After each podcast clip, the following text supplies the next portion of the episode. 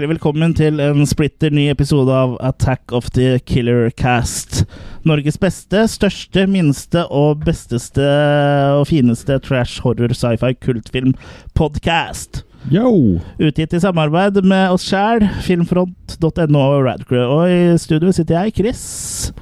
Og med meg har jeg som vanlig Jørgen. Jørgen. Og, Kurt. og så har vi en gjest. Vi har med oss en, eh, Et troll i eske. en troll i eske. Si hva du heter. Det er eh, André Jølsen, heter jeg. Tusen takk for at jeg fikk lov til å være med. Det var veldig hyggelig. Dette Ja. har jo vært en barndomsdrøm for min del. Ja, helt siden uh, barnsben av. Var det. Mm. Vi har rent undertøy her nå, hvis Mm. det skjedde et eller annet når Ja. du nå er med her. Mitt må skiftes etter dette her. Ja. ja. for vi skal, kan jo snakke litt mer om hvorfor du er med eh, litt seinere, men sånn i korte trekk så er det fordi vi skal snakke om laserdisk eh, i denne episoden her. Men uh, i starten av hver episode så pleier vi å ha en sånn uh, liten runde rundt bordet, hvor vi snakker litt om filmer uh, vi har sett i det siste, og få- uh, med sånn uh, små minianmeldelser av det. Da. Så da er det vel bare å kjøre i gang med det, tenker jeg. Er det noen som føler kallet Kalle Kalle mer enn uh, andre? Trekker det litt på gulvet, mener du? Ja, litt. At du føler kallet? Ja. Mm. Kurt bruker en del tid, da, så kanskje Dere sier alltid det, men eh, jeg vet ikke. Eh, Jeg kan begynne, jeg. Jeg har sett uh, The Void fra 2016, er det det han tror? Ja, 2016. En uh, som ser ut til å bli en litt moderne horrorklassiker. Uh, en film som tar for seg Eller den bruker mye practical effects, da, Mm. istedenfor CGI.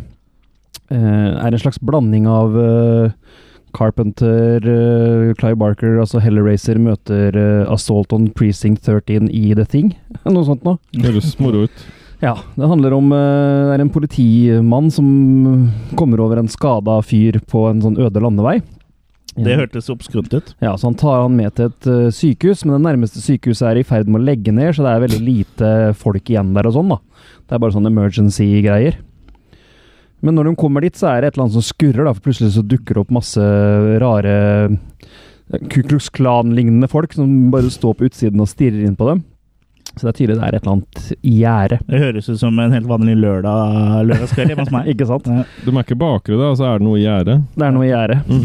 Men iallfall så Den tar helt av etter hvert. da. Det viser seg jo at det er um, um, en gateway til ja, til hell, på en måte. Mm. I, I det som de er på jakt etter, disse hooded people. Mm. In the hood. In the hood. Og igjen, masse kule effekter og Som kan minne om, som jeg sier, alt fra The Hellraiser til The Thing. I tematikk og i utførelse og mm. Så anbefaler eh, The Void. Likte den veldig godt. Gir den uh, makekast fem. Oh. Ja, det er ikke så gærent. Har du sett den også, André, eller? Jeg tror også at jeg vil gi den en uh, femmer. Filmen er veldig tøff, og det er jo effektene Jeg tenker litt sånn på The Thing, blant annet. Mm. Eh, Sykt kule effekter. Og så er det veldig lite eh, CGI i den. Jeg syns den filmen var eh, superduper. Mm. Jeg tror du har fortalt meg om den før, Kurt, for det hørtes litt sånn kjent ut når jeg fikk, eh, fikk litt tid til å bearbeide det du sa. Ja, jeg Eh, snakke- at jeg snakka om ja. Setten, ja. Ja, så den Mm. eh, kjenner jeg at det skiller litt på pungen etter å se den. Jeg også legger den på pungen. Ja. Kul den. Den er litt rar også, litt spesiell, litt annerledes, uten å røpe noe. Så Og Ja. filmen eller pungen til Jørgen du snakker om da? den ene er rarere enn den andre. Ja, Ok. Det er en knudrete film og en knudrete en pu- en pung. Krydderpulver. Ja. Så- Har du sett noe mer, eller? Ja, jeg kan ta Jeg tar en til, jeg. Ja. Eh, For jeg har vært og sett eh, remaken av Suspiria. Ble så har du sett den nå, ja? Ja. det har du ikke sagt ja noe om. Nei. Det har du ikke giddet å holder ting skjult, Nei. Kurt. Vi satt i går og spiste kjøttboller og drakk øl, og Ja. det nevnte du ikke noe om. Sånn snakker man ikke med venner om, nei. Det kom vel ikke på tale i går, det. Nei. Jo, vi var innom Suspiria. I går så hørte vi også Nei. på bandet Suspiria. Mm. Ja, det altså, du faktisk. skal det ikke opp da, norske eller? bandet. Nei, jeg tror du hadde det på undertekst, Kurt. Det er derfor vi leste det ikke. Du sa det dere ikke, hadde undertekst. ikke hadde ikke satt på closed caption-dekoderen deres. Vet. For hearing impaired. Mm. Men uansett, da, det er jo, er har jo vært veldig mye f snakk om filmen på forhånd. Alt fra folk som absolutt ikke skulle se den for det er sacrilege å lage det i det hele tatt, ikke sant? Ja. Til han nå kom, og folk var litt over seg av eh, hvor bra han var, da. Han Mm. fikk veldig fort uh, approval av um, ja, både horrorfans og mye kritiker, kritikere generelt. Jeg så Filmavisen Nei, ikke Filmavisen. Film, Så gammel er du filmpolitiet, ikke, Kurt. En, glim, en glimrende film! filmpolitiet ga han vel faktisk uh, sekser, tror jeg. Oi. Oi. Ja, så den har blitt veldig godt mottatt, da. Ja. Uh, det følger jo da disse, denne unge jenta som kommer til Berlin på en danseskole. Hvor det da fort skal vise seg at det er eh, også ugler i mosen. Mm. Eh, folk har jo sett originalen, så det handler jo om hekser. Og det er vel også enda mer fremtredende her. Det er ikke noe Enn i originalen? Ja, det er liksom ikke noe skjult i det hele tatt i den filmen her. Nei. Eh, Men du var positiv hele veien, eller? jeg har vært Han kom- han veldig frem og tilbake. ja, Jeg, sånn, jeg, ja, jeg, jeg har litt talt gått fra å være sånn Hva, hva er poenget? Ja, for du gikk jo med sånn plansjer oppe i gågata, Ja. sånn husker jeg. Band Suspiria ja, Da ble det, det ble dere lagt merke til. Så Jeg jeg husker du ble lagt i jern. så jeg var Det var veldig veldig negativ. Det var veldig mye hat. Ja. Mange som mente at dette var noe ordentlig drit, uten at de hadde sett eh, Ja. noe som helst. Men eh, det er jo ikke så rart, for eh, sånn 90% av remakene er jo dritt. Ja. Så jeg skjønner at folk blir litt Men sånn som når jeg så traileren og sånn, så syns jeg jo ikke det så så halvgærent ut. Han har klart å lage en forholdsvis stilistisk film. Originalen er jo også veldig stilistisk, med veldig karakteristiske farver og Ja, musikkbruk og lyssetting og alt som er. Eh, og han har på en måte holdt på det surrealistiske, men han har lagt seg helt motsatt når det gjelder eh, det visuelle. da, At filmen er veldig Berlin 77, liksom. Det er eh, gråtoner og brunt, og det er skittent, og det er ja. Det er jo det Berlin du liker best, eh, Ja. Ja! Før muren ble revet. Det er Ja! ja! revet. Og Ja. det er jo også tematikken i filmen er liksom knytta opp imot det òg, da. Så mm. De har dratt inn mye musikk fra 70-tallet også. De har jo med ja. Gud, altså David Bowie er jo også med i flere sanger der. sånn. Gud, stemmer det. Mm. Berlin Har du sett den du og andre? Jeg har sett den jeg så den på kino i USA. Ah. Det er- Globetrotteren. Ja. Først i USA, nå i Sarpsborg, eller Serp, som du kaller det. Serpia. Det var veldig André hyggelig. oppdaga jo USA. Jeg gjorde det. Jeg syns den var eh, helt super. Den var veldig annerledes enn det jeg trodde. Jeg vet ikke helt hva jeg hadde forventet, men mm. Den var veldig eh, flott å se på. Farger og filming og skuespillet var superbra. Og det med filming, at han er, han er skutt på film, 35 mm. og det, det ser veldig bra ut. Passer Ja. bra. Så den eh, Ja, sterk kamp. Men men det er en tung og drøy film. Han er to og en halv time lang, Ja. og det skjer ikke så mye før siste ja, tre kvarter eller noe sånt, kanskje. Ja, det, Slow burner, da. Mm. Det er det. Og det er jo litt i tiden, da, sånn som med Hereditary og en del sånne filmer som er Jeg vil heller ha slow Og burner Witch til og- sånn der uh, rollercoaster. så det, Men eh, hvis jeg skal kaste noen maker på den Jeg må si at eh, igjen, det virker som folk enten elsker den eller hater den. Jeg er litt midt imellom, jeg skal være helt ærlig. Jeg syns han var bra. For du, du Eh, greier ikke å ha en mening. Sånn, Men jeg, syns- jeg syns han ble litt lang. Ja. Eh, To og en halv time er for langt. Hun kunne flott uh, kappa ned i hvert fall en halvtime. ja. Og blant annet, eh, uten å spore noe, men den, den slutten, slutten, den var litt sånn søkt, syns jeg, men det er greit. Men alt i alt øh, Makekast tre, da, eller siden nå havner det Ja. midt imellom? Jeg skal være snill og gi en fire. Jo, Ja, det er snill. Ja, snille kult. Og du er som sånn i Florida eller Miami eller hvor du er? Uh, Miami er vel i Florida, men ja. Det er det, ja. Det er det, ja. Jeg så den for- øvrig på en veldig flott kino. En sånn high-end kino med sånne stoler, elektriske recliner og det og servering av mat. stoler der òg? For en kino. Ja, det var fantastisk. Det har vi ikke i Sarpsborg. Kvaliteten på bildet og sånt det var en veldig fin kino. Men jeg eh, ga den vel åtte Åtte bakes? det er to mer enn det går an å gi. Åtte på IMDb, og så vurderte jeg ni, så det er vel en eh, sterk femmer som eh, lukter på en uh, sekser. Så jeg var veldig fornøyd med filmen. Veldig faste, store Stramme. eh. Jeg gleder meg til å se den igjen, men Mm. uh, det er litt greit å vite før man ser filmen at den er uh, lang, og at det ikke er noe Det er ikke Michael Bay, dette her. Det er Nei, en rolig film. det er Michael Bay i noen av effektene, da. Det er litt CGI der, syns jeg. Litt CGI er det. Ja. Ja, og hun mister en sånn ballettsko, så eksploderer det, eller? ja, ikke sant? Men jeg syns også den er litt sånn uh, forstyrrende. Jeg skal ikke si noe mer enn dansescenen, Kurt, hvor du ser to Ja, ja. forskjellige Det syns jeg var ganske ekkel. Så Ja, den første killen der var rimelig kul. Mm. Ganske drøyt, egentlig. Jeg storkoste meg. Yes. Da kan egentlig jeg ta over stafettpinnen. Jeg har ikke fått sett Mhm. så veldig mye film, for det er noe som heter Red Dead Redemption 2, som har tatt mye av min tid. Men nå er jeg ferdig med storydelen der, og jeg er, har vel fullført spillet sånn 82,7% Storyen er 100% 82,7 er liksom alt annet du kan gjøre i tillegg, eller med storyen og det rundt, da. Mm. Altså så sideting. Eh, så Sideboob. ja, sideboob. Så sånn etter eh, 67 timer så er jeg gjennom Red Redemption 2. Men jeg har det Jeg tror jeg ga makekast eh, til det spillet sist gang også, men det er jo et fantastisk western-eventyr som er eh, så Det er Uten u- Ja, det er utro, er utrolig bra regissert. da Det er liksom en fantastisk historiefortelling spillet der. Det er bedre enn Wild Wild West. Ja, ja nå må vi koordinere overdrive. Det Men eh, Har du vært og lynsja hun der eh, feministdama? Nei, det turte jeg ikke. Da hadde, hadde eh, PC Police kommet hjem til meg. Ja. Uh, Men det er i hvert fall et utrolig bra spill, og det er veldig filmatisk hele veien. Og det er uh, Alt er liksom bare veldig bra. Så jeg, det er fortsatt uh, et makekast seks. Altså det hadde vært, hadde vært mulig, så hadde det vært makekast sju. Så det er de strammeste, flotteste seks makene du noensinne kan se for deg. Snakker vi Nicole Smith her, eller? Jeg sa de fasteste, Ja, fineste. Ja.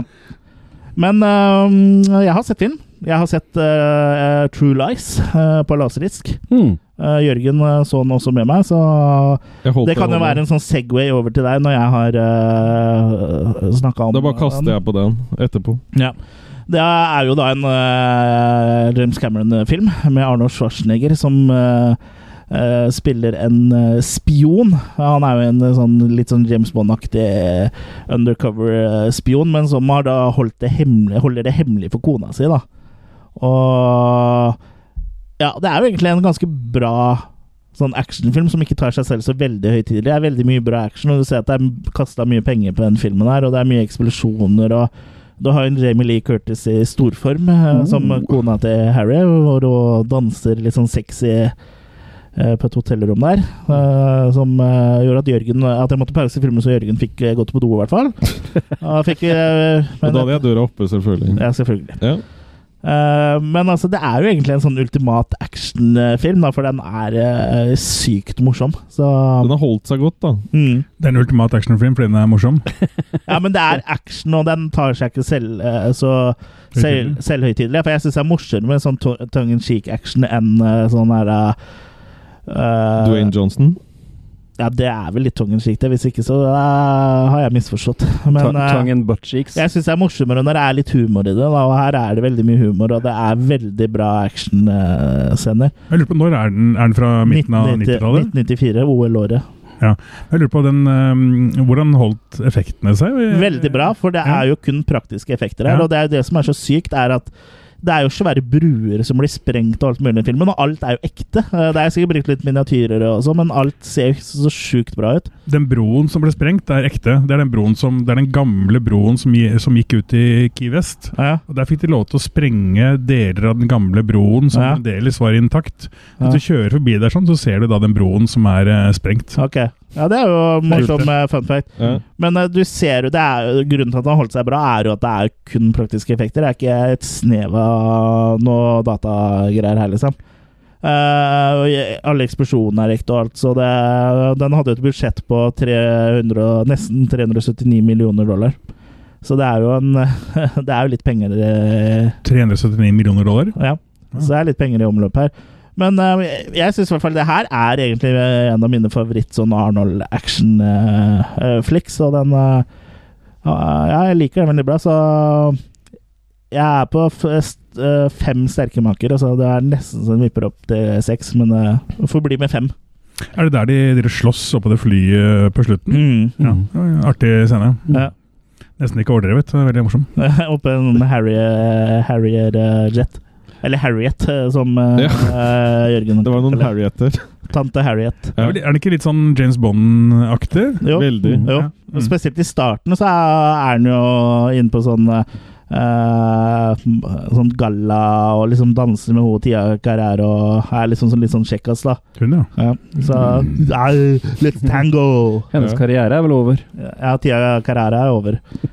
Var ikke hun med i Relic Hunter eller noe sånt? Det var vel stort sett en serie Ja, den eh, tror jeg Det høres kjent ut. Ja. Og så var det jo dama til Wayne i Wayne's Wayne's World. World. Partytime Excellent.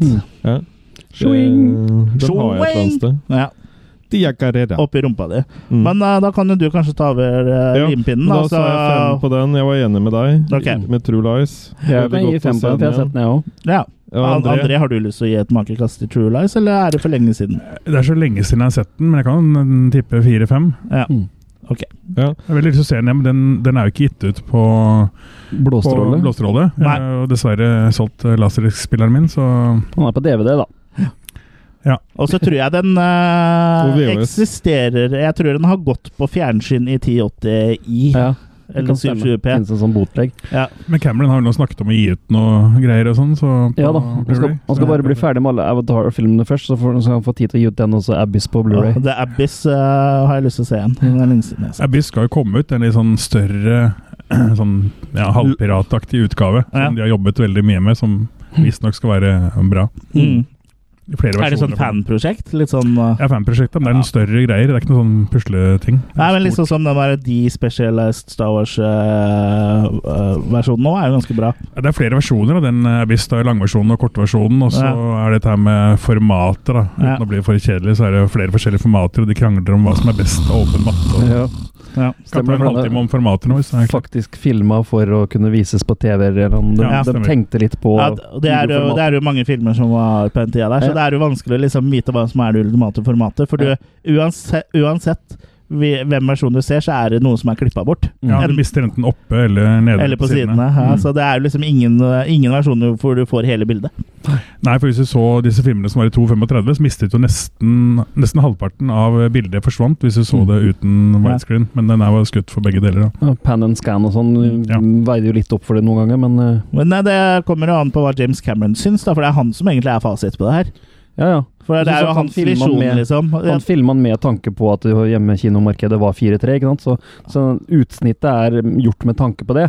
Men så klart, på kino var det jo full eh, Ja, ja, men det er jo fortsatt han som liksom Ja, får ta en avgjørelse på hva som blir riktig her. mm. Men kan gi den ut i flere forskjellige versjoner, da. Ja, eller så kan du bare gi den ut i den For den er jo ikke skutt i 4-3, men den har jo mer eh, Så Ja. du kan jo bare gi ut en versjon hvor du kan velge å vise hele bildet. da Mm. Det er vel ikke alltid at eh, det regissøren gjør er folk folk mener er best. Det er den der Gibson-filmen, er det den Ransom eller sånn, som veldig mange mener at Directors Cut er eh, Ja, men eh, det er, Ja, jeg tenker det er forskjell Warriors. Jeg tenker det er er forskjell på Directors Cut og og ma Filmingen. matting av filming. For liksom Ja, akkurat ja, ja. eh, det bør jo regissøren liksom ha rett i, som har vært på Vi har ikke vært på sett. Men da bør vi jo se alt av Kubrick i 4-3, tydeligvis, da, for han var jo veldig for det. Ja, han er det. Ja.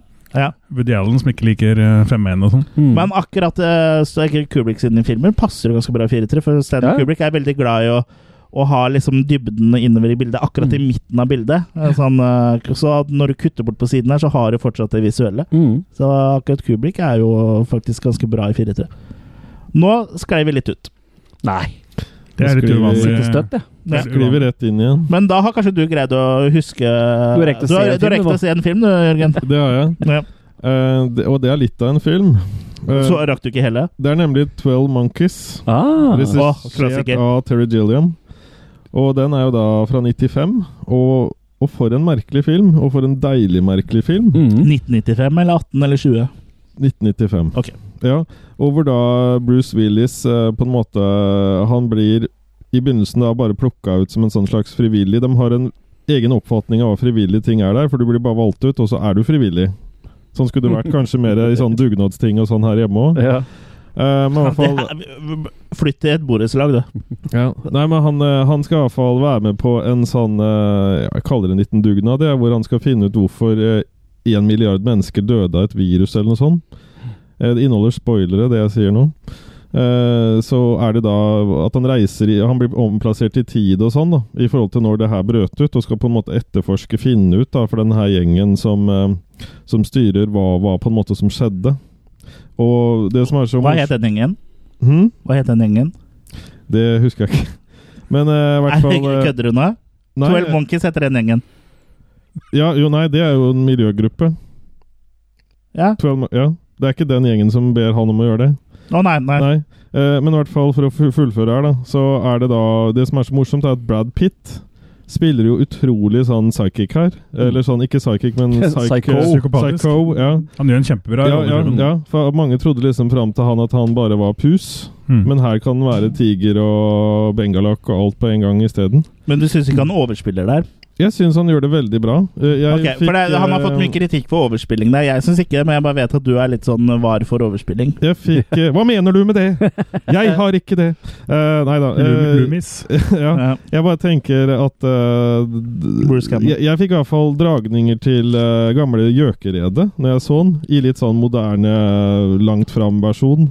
Litt, altså. Mm. Men det mangla jo han eh, store som hiver ut vasken på slutten der og sånn, da. Fra Gjøkeredet. Men i hvert fall en, eh, en veldig bra film. Jeg har veldig sans for Terry Gilliam, øh, og håper det kommer mer spennende fra den fronten. Makekast fem. Jeg kan jo godt hive meg på en femmer på den, jeg òg. Jeg har ikke sett den siden jeg gikk på kino, men jeg likte den utrolig godt. Den var sikkert fet å se på kino. Ja da. Og nå har den jo kommet ut uh, på nylig Er det Arrow, Arrow, ja. som ga ut den Mm. ene? Mm, Mm. Den, eh, den tror jeg jeg må anskaffe. Jeg elsker 12 Monkeys. Uh, Ja. For meg så er det en veldig sterk makekast 5. Kanskje jeg vipper over til sekseren etter jeg har fått meg Narrow. Eh, Det er vel en. TV-serie også? Noen som har sett den, eller? Jeg har sett et par episoder. Det forteller vel kanskje sitt sånn eh, Jeg har datt litt ut, så den er ikke like givende. Nei. Nei, den har et godt drag i seg, den, mm. den opprinnelige. Akkurat som deg. Jeg syns Mm. Gilliam er veldig opp og ned i det han lager. Jeg er ikke så fan av alt han har gjort. Men, Men Brasil og sånn, for eksempel. Brasil klarte jeg ikke. Nei. Den syns jeg ikke var noe spesiell. Time Bandits. Den syns jeg også er oppskrytt. Ja, det syns jeg. Mm. Ja, men det her var noe av det bedre. Ja, Ja, og Baron von Münchhausen husker jeg syns var dritfet. Fishing Ja. har du sett den, Kurt? Fishing er glimrende. Så ja, mm, han er veldig opp og ned. Ja, har du noe mer, eller, Jorg? Nei, jeg tror jeg stort sett uh, stopper der. Da, vår eh, kjære gjest eh. André, har du et par-tre filmer du har sett i det siste som du vil uh, gi en liten mini-anmeldelse? Eh, dere har jo sånn sett siden sist, men tenkte altså, du har jo noe som innføres nå, som kanskje kommer til å dø etterpå, men sånn tenkte på noe som er etterhørt siden sist. For jeg, på veien hit så hørte jeg på den episoden om Spaceballs. Mm. Nye? Den eh, nye, nyeste den gamle? episoden, ja. Den som, eh, er som alle dere som har eh, eh, hører på oss via iTunes, ikke har fått hørt. Ja, vi fikk jo trikset det til da, etter litt eh, teknisk uh, fnikkfnakk. Mm. Men det var jo, jeg må si at det var jo atter en glimrende episode. Det er jo alltid gøy å høre på dere. Og det som er spesielt her, var at alle var jo ganske unisone om at de likte filmen. Mm. Ofte så er det sånn at når du ser filmer, så eh, Jørgen har kanskje ikke sett filmene i det hele tatt, og så har dere to andre sett de før. Men nå var det jo dere Det var vel makekast seks og seks og fem, eller fem og fem og seks, eller Iallfall alle likte den svært godt. Mm. Det var en bra episode. Det var masse avsporinger og alt som eh, alle fansene til Attack of the Killer Cast eh, liker. Eh, dere har vært veldig flinke til å få med en del sånne artige eh, faktagreier. Det med at George Lucas eh, likte, likte filmen og sto inne for den.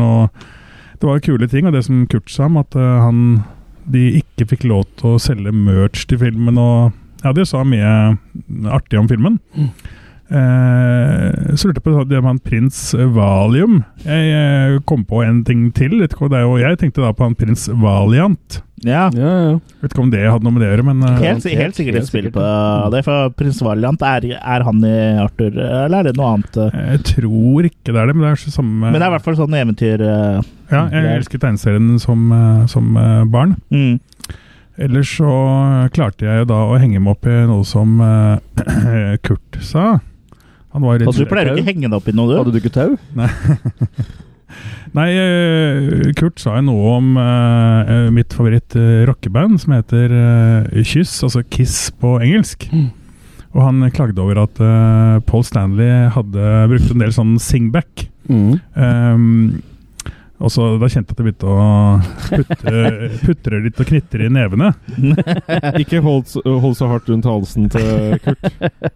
Ja, Han greier ikke å holde helt rundt allikevel, så det går fint. Det er veldig morsomt med Kurt, for han liker jo mye av den samme musikken som meg. Vi er ikke alltid enige. Noen ganger er vi som regel så er vi enige. Men uh, superkjapt det med Paul Stanley, så er det veldig mange som har sagt at uh, Han har jo sunget siden 72, eller skreket i Kiss siden eh, 73. Så hvis du da har nærmere over 40 år, så har det stått Med skriking. Ja. med skriking, så går det selvfølgelig utover stemmebåndet. Mm. Så det er veldig mange som sier at eh, nei, Kiss er ikke noe bra lenger, for han synger ikke så bra lenger og vil ikke høre på det. Mm. Og så tar de fatt i dette her sånn, og da synger de inn ting på nytt igjen, eh, og lipsynker det.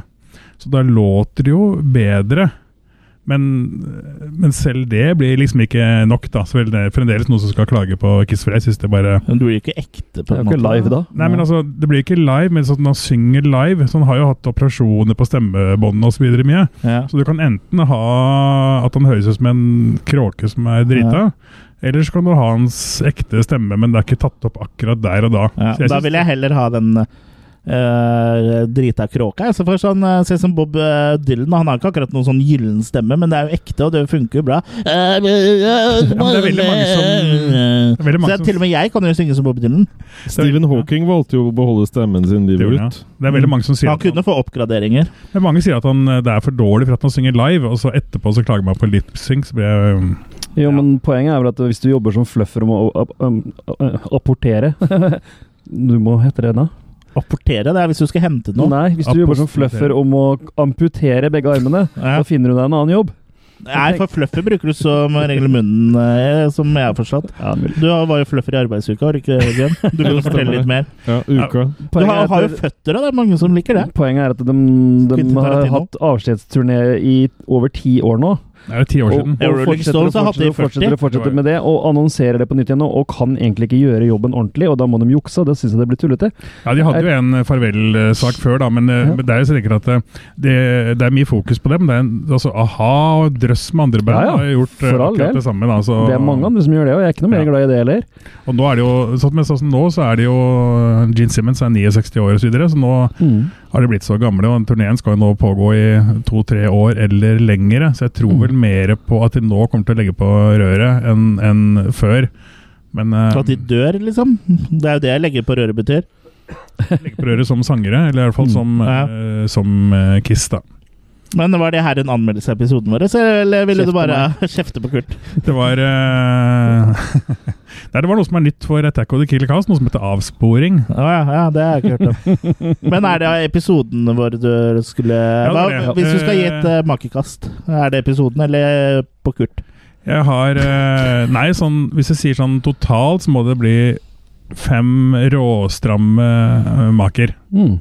Bra episode. Så jeg har egentlig ikke noe, å, egentlig ikke noe å klage på på Men. Kurt får gult kort, eller? Jeg får gult kort. Ja. Ja.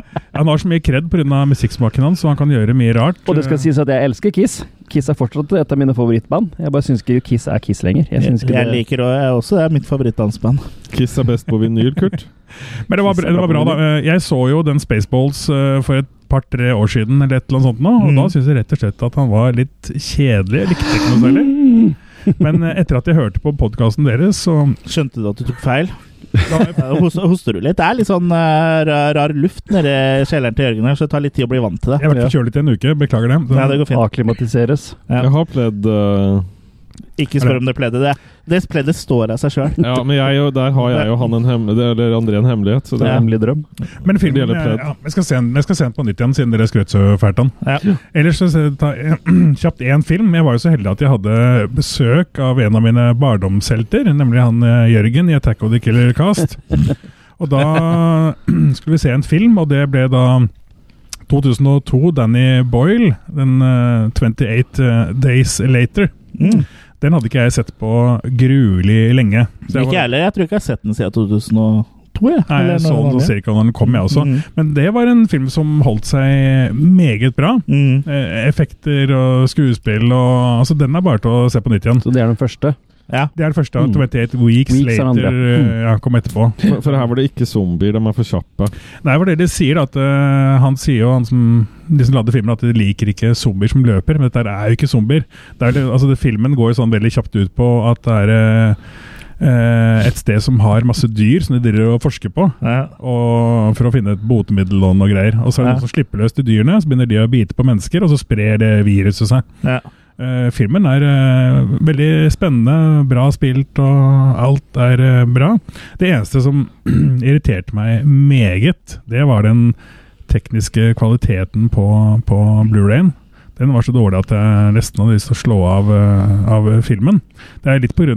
måten den er spilt spilt inn på. Ja, for jeg tror Men- den er ganske gritty. Ja, men det er ikke bare at den, Jeg har sett masse gritty filmer og ditt og datt, men dette her var Det var det. eh, dårlige greier. Så jeg har Ja. søkt opp det på nettet og flere som var enige. Altså, kvaliteten er ikke bra, men filmen er eh, råtøff, så jeg vil eh, gi den fem ja. maker. Men det er jo ikke sikkert den finnes i noe er mulig å få tak i noen bedre kvalitet. Det var en som skrev på nettet at uh, Blu-rayen var marginalt bedre enn DVD-en. Så den Mm. burde egentlig vært bedre, var en som mente det. Men, Ja. Men uh, Blu-rayen er nå Det er ikke sikkert de har negativ, negative noe sånt lenger, så det er, det er ikke alle som tenker på det. trenger ikke være så negativ, men uh, ja. Jeg syns det var litt av sjarmen, jeg, da. Den kvaliteten han var. Ja. Ja, At det gjorde at han skilte seg litt ut. Men det skal Er det være bitrate og sånn, eller? Hva sa du? Er det bitrate og sånne ting du Nei. Altså Den var rett og slett uh, uskarp, og jeg har sett masse dårlige altså, jeg, og, Nå skal det legges til at jeg er ganske kresen på bilde og lyd, pirkete. Men ikke innhold. Se. Mhm. Men øh, ja, altså, jeg syns det var øh, slappe greier kvalitetsmessig. Men filmen er øh, råbra. Men jeg Mm. tror den Blu-rayen er øh, 15 år eller et eller annet sånt. Så lenge filmen er bra, så pleier ikke jeg å bry meg så veldig mye om eh, om eh, transfer-kvaliteten. Jeg så på True Lies på laserdisk. Ja. eh, Men jeg har sett dårlige transfers, jeg òg. Så Without Warning, som hadde vært noe fucka opp mellom fra NTC til PAL-DVD. Som alt bare hakka ja, det, absolutt hele det, veien. er, det er verre. Så, så det Men jeg går tenker- fucka men opp, det, altså. Ja, men det er liksom Mm. Da har, det, da har det jo skjedd en feil, men jeg Ja, ja. tenker på sånn at laserdisk eksempel er lavere oppløsning og sånn. Jeg syns Ja, nei, det går helt problematisk. Men Jeg eh, tror når det hakker, da. Ja, Jeg tror at den filmen øh, skal jo aldri se bra og glossy ut, men jeg tror nok at den kunne ha sett øh, bedre ut enn det han gjorde på den øh, Blu-rayen. Mm. Og, øh, ja, skal jeg, si, jeg søkte opp noen anmeldelser på nett, og det var flere som sa det samme. Så jeg Mm. pustet lettet ut. Jeg trodde først at det var noe feil med prosjektoren. og begynte å svette. Og, Ja. Så du prøvde ikke en annen plate? Du bare begynner å søke Hva, det er noe feil med prosjektoren! det er noe dårlig bilde. Å ja, nei, det Ja. du har jo den nye Texas Chainsaw 3 som er gitt ut på Warner Archive nå, som det var en sånn der blank eller lys oval i hele bildet. Ja, men det er fordi de skulle legge det til på én scene for å lysne opp en liten del i én scene, og så Ja. la de den over hele, Hele filmen. Mm. Og det er rart de ikke har lagt merke til, for, eh, for Mm. en som jobber med eh, videoredigering da, eh, til, fjernsyn. og hvis jeg legger på en sånn vignettering på ett klipp, eller på en hel tidslinje, som er, Makelinje. en hel makelinje som er halvannen time, så blir jo rendringssida blir jo liksom fra tre minutter til halvannen time, eh, Mm. eller to timer. Så det, det er rart ingen har lagt merke til. Men kanskje man bare trykka på render og dratt hjem. Ja, tok til lunsj. Og jeg skjønner heller ikke når du jobber og bruker så mye tid på å pusse opp eh, filmer og liksom eh, tar bort støv og fargekorrigerer Mm. og skal gjøre alt finere, så er det rart du ikke ser på det før du sender det til printen. Jeg har en idé om at eh, Warner mye bare kjører over Ja, en det går print, og så, ja, så det er det ikke så mye fort, liksom. mer etterpå. Mm. Bare fiks den her, liksom. Gjør Ja. det her og gjør det her litt lysere, gjør det fint, og så sender du den av gårde. Mm. jo mer tid de bruker, jo dyrere blir det. Så er det er nok et eh, spørsmål om Mm. kronasjer, tenker jeg. Ja, men uh, det ble jo Slo jo feil tilbake her. Og det er jo det Arrow og og Shout og, og sånn eh, Men de andre selskapene rydder stort sett opp etter seg, da, når det kommer sånne Ja, mistakes. Det gjør ikke Warner. Ja. De er visst stuck med den eh, utgava der. Og de Ja, kommer sikkert ikke til å lisensiere den Sånn er er det med de store selskapene. Mm. Ja, men Ja. Uh, apropos kvalitet og gøye ting, la det være en segway over til kveldens hovedrett, hvor vi skal snakke litt om uh, laserdisk. Mm. Og uh, ja, jeg vet ikke hva slags forhold er det du har til laserdisk, Jørgen, sånn før denne episoden her? Er det Det strekker seg vel tilbake til eh, 1998-1999 på folkehøyskole. Da var det noen som spilte av laserdisk. Ja. Jeg husker ikke hva jeg så. Jeg tror ikke det var Deep Throat, men det var i hvert fall noe annen film som var populær på den tida. Uh, Syns det var et artig fenomen, men har, hadde ikke noe veldig kjennskap til det før jeg ble kjent med dere sånn. Nei. Nei, jeg så bare for å ta med Jeg tenker vi avslutter med André, for jeg tror han har mest å si. Men bare Mm. sånn for egen del så har ikke jeg noe sånn veldig nostalgisk forhold til det. Jeg husker da jeg så laserdisker i Fri Record-shoppet eh, i Oslo en gang, og jeg trodde det var eh, soundtrack på vinyl, faktisk. Så jeg skjønte ikke hvorfor man hadde begynt å selge vinyl igjen. Så Såpass eh, lite visste jeg om det, men jeg fant ut det senere hva laserdisk var. og har liksom de siste åra fått litt sånn øye opp for det, fordi jeg syns det er litt sånn koselig med de covera. Litt sånn sa, samme uh, måte som jeg liker vinyl på, da. Men uh, der hvor vinyl ofte har uh, bedre lyd enn uh, CD og Spotify og sånn, så er vel kanskje ikke Er vel ikke bildekvaliteten det som trekker laserdisk opp. Øh, lyd derimot kan jo være veldig god, men det er mer sånn Jeg syns det er litt gøy da med sånn retro og teknikk, og ikke minst eh, at det er liksom forseggjorte cover og, og, og gøy med det, da. Det er vel en samlers gullegg. Ja. Eh, Kurt, kort innom deg før vi tar, kommer til rosinen i pølsa. Ja, jeg var jo filmsamler den gangen dette her ble på sin høyde, da. Det ble jo aldri stort. Du var jo en ung gutt på 43, du, da. Ja. Så midten av 90-tallet så hadde jeg jo veldig lyst på det, men jeg hadde aldri råd til det. Nei, det dyrt, ja. eh, Min eller vår kompis nå, Eddie, kjøpte seg laserdiskspiller, og Vidar for den saks skyld. Så jeg så filmer hos dem da, på det formatet, og syntes jo det var fantastisk. Blant annet Frighteners husker jeg jeg så. Eh, ja, altså, og det var jo ting som var der som ikke fantes ellers. Det var et sånn Andrew Dice Clay talkshow på Laserdisk, husker jeg, som jeg Ja. så så videre. Nothing goes right. Ja, noe sånt noe. Uh, eller var det One Night with Dice? Ja, samme òg. Men eh, Nei, det må vi finne ut av. Ja, men uansett, da, dette formatet var jo utrolig spennende, for det var jo det liksom første um, feinschmecker-greiene for dem som samla. Ja, hjemmekino. Og det Mm. var disse ut utgavene fra alt fra Elite til Criterion og sånne ting, Mm. som var forseggjorte, med cover og transfers og alt var liksom top notch, da. Men det var jo vanvittig dyrt. Jeg husker jo blant annet jeg var inne og besøkte deg, holdt jeg på å si. Jeg vet ikke om du jobba der, da, men jeg var jo på Akersmik og så dette her. Uh, når, Den, er, den er ikke på laserdisk. Akersmik? Nei, så. Så, ja. Men det var liksom nærmeste du kom en butikk som jeg husker, da, som hadde det. Eller de Mm. hadde det faktisk På slutten så hadde de litt på American Way Video. Her, ja. ja så hadde de jo Free Record Shop rett nede for gata for Akersmik der, men Ja. det kan, kan vi jo ikke snakke for mye om uten at det begynner å buldre på andre sida av bordet her. Var det når du leide hotellrom på timespris, eh, Kurt? Ja. Eh, Rød og grønt lys i vinduet. Ja. Var det prisen, Kurt, som gjorde at du ikke kjøpte deg laserdisk? Ja. Det det du mente? Ja, ja. Mm. Ja. var det det. Men da kan vi gå, over til André, for uh, André, du er jo ikke noen sånn uh, veldig ivrig samler av laserdisk nå, men du jobba jo i Aker Akersmik under laserdiskens storhetstid. Og du har også vært og holdt foredrag på den la laserdiskmessa to ganger, er det vel nå, i Ja, stemmer. Oslo? stemmer. Ja. Laserkon. Laserkon, ja. Så ja, ditt forhold til laserdisk? Eh, jeg, har jo samlet filmer eh, lenge. Begynte å interessere meg Det var jo skrekk da som var eh, starten. Det var vel første jeg så, var fredag 13. Jeg husker jeg var jo så redd at jeg sov nesten ikke en hel natt. Jeg så den da jeg var 15 år. Det var den første skumle filmen jeg så. Det var helt krise. Gikk og grein og var helt fra meg. Så turte ikke å vekke moderen og faderen, redd for at de skulle bli sinte. Og, altså, det var helt, Det, det var såpass? ja, en forferdelig opplevelse. Uh, hvorfor jeg fortsatte å se på skrekkfilmer etter det, kan jeg ikke svare på engang. Men ehm, Man blir bitt, vel? ja, jeg gjør vel det. Blir bitt av den onde basillen. Eh, så begynte jeg å samle på videoer. Og i begynnelsen så var det jo Når jeg var eh, ung, det er noen år siden nå, så var det jo vanskelig å få tak i ting. Det var jo ikke noe salg av kjøpefilm i det hele tatt. Man kunne jo leie videokassetter. Og etter hvert så begynte man å Ikke jeg, selvfølgelig, da, men man begynte å kopiere litt. Grann.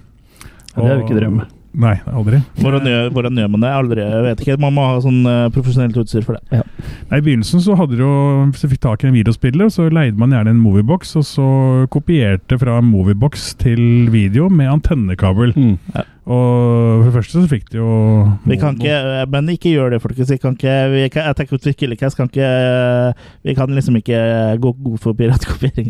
Nei, jeg er helt enig, det er ikke bra. Eh, Jeg er vant til antennekabel, ja. Så der eh, Jeg hadde jo tusenvis av videokassetter og ivrig samler av eh, film. Eh, og så visste jeg at det var en kompis av meg som jobbet på Akersmik. Og um, han fortalte litt om eh, laserisk, at det var bedre kvalitet og sånn, så jeg ble litt eh, ivrig da. For allerede da så var jeg ivrig med å eh, på kvalitet og sånn, da. Så jeg var på besøk hos han, og det første jeg fikk se, var den, et klipp av 'Adventures of Ford Fairlane'. Mm. der skled igjen. Der skled jeg. Så det han hadde da, var jo to, to høyttalere. Det var ikke så veldig store, det var to høyttalere, var det han hadde. Og han spilte da den eksplosjonen fra filmen.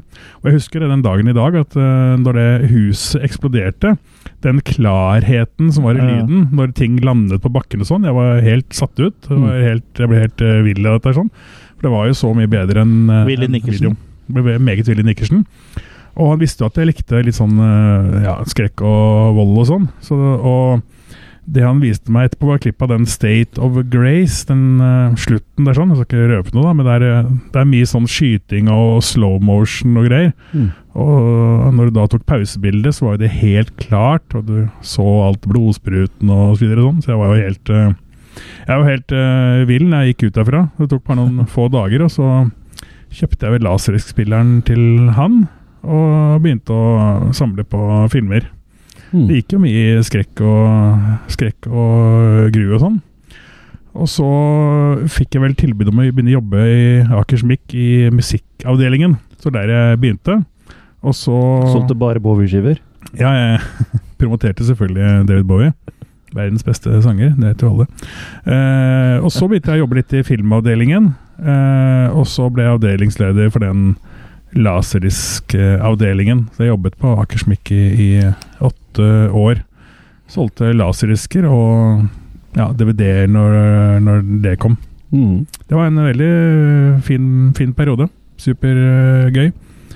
Og siden jeg kjente Altså før jeg begynte å jobbe der sånn, så siden jeg kjente han eh, Nikolai som han heter, så fikk jeg lov da til å kjøpe filmer som egentlig ikke var lov for salg i Norge.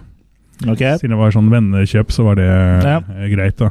For sensuren på 90-tallet og slutten av 80-tallet var jo veldig hard i Norge, så det var jo en drøss med filmer som ikke var lovlige for salg på laserdisk fordi de var lengre enn de norske videoversjonene. Mm. Og de filmene som da ikke var lovlig for salg i Norge, de ville de ikke selge i butikken, så de ble satt bak i en sånn kasse. Mm. Og den kassen kalte de for eh, Forbudt-kassen. Der hadde du vottene dine oppi, tenker jeg. ja. Nei, det var, jeg, jeg, jeg hadde jo seriøst våte drømmer om den der Forbudt-kassen. Ja, det hadde jeg hatt. Ja. Så jeg kom jo gående ned dit og spurte om det var noen nye filmer i Forbudt-kassen. og- Du kom gående, ja. ja. Kom gående, jeg kom jo Hadde ikke tid til å stoppe for det engang, liksom.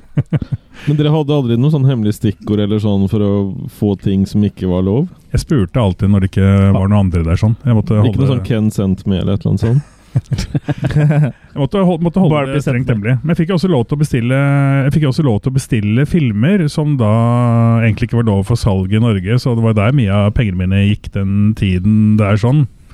Men jeg maste jo selvfølgelig hele tiden på den der, før- Før jeg begynte der sånn, så maste jeg om den forbudtkassen hele tiden. Og så til slutt så sa Det var ingen, ingen, ingen andre som var i butikken, så sa han butikksjefen at eh, du, jeg kjenner jo han André nå, så du kan jo ta med bak. Så kan han få lov til å kikke i den forbudtkassen selv.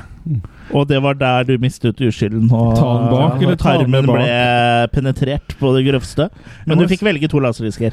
Jeg må si at uh, i min eh, tid som samler, så uh, Når jeg fikk gå bak på bakrommet og bla i den forbudtkassen, så var det noe av det største som har skjedd meg noensinne. Ja, jeg. Jeg var jo helt tro. skjelven. Jeg bladde i alle disse filmene som var forbudt og greier. og sånn. Ja, og det, når du kjente det største som har skjedd deg sakte, men sikkert lirke seg inn bak. Ja, det- Hvis du sto bøyd eh, Over kassen. over kassen. Det var stor og hard sak som sto på bakken der, sånn, så det var fin å utforske den. Så jeg brukte opp eh, alt jeg hadde med meg, og holdt av en del og var helt vill. Så det var eh, Du fikk egentlig ikke lønn du, når du jobba på Akersmik. Du fikk bare Tok ut alt i Akersmik. Eh, nei, Akersmik filmer, ja. Akersmekk.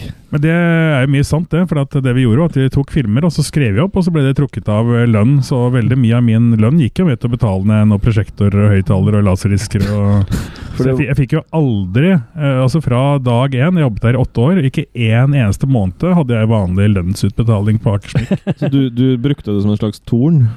Et torn, ja. Ja, men det, Torn. det, du gjorde en bra deal da, for eh, når du får det inn sånn på Du slipper jo å skatte av de pengene. Ja, Det er ulovlig, så det skjedde ikke. Nei. Men hvis det teoretisk sett hadde vært sånn, så var det jo en bra deal for deg. Det hadde vært en bra deal hvis man hadde gjort det sånn. Ja, Men det skjedde ikke. Det gjorde det ikke, nei. Jeg, jeg tror det er forelda nå, André, så jeg tror det er greit.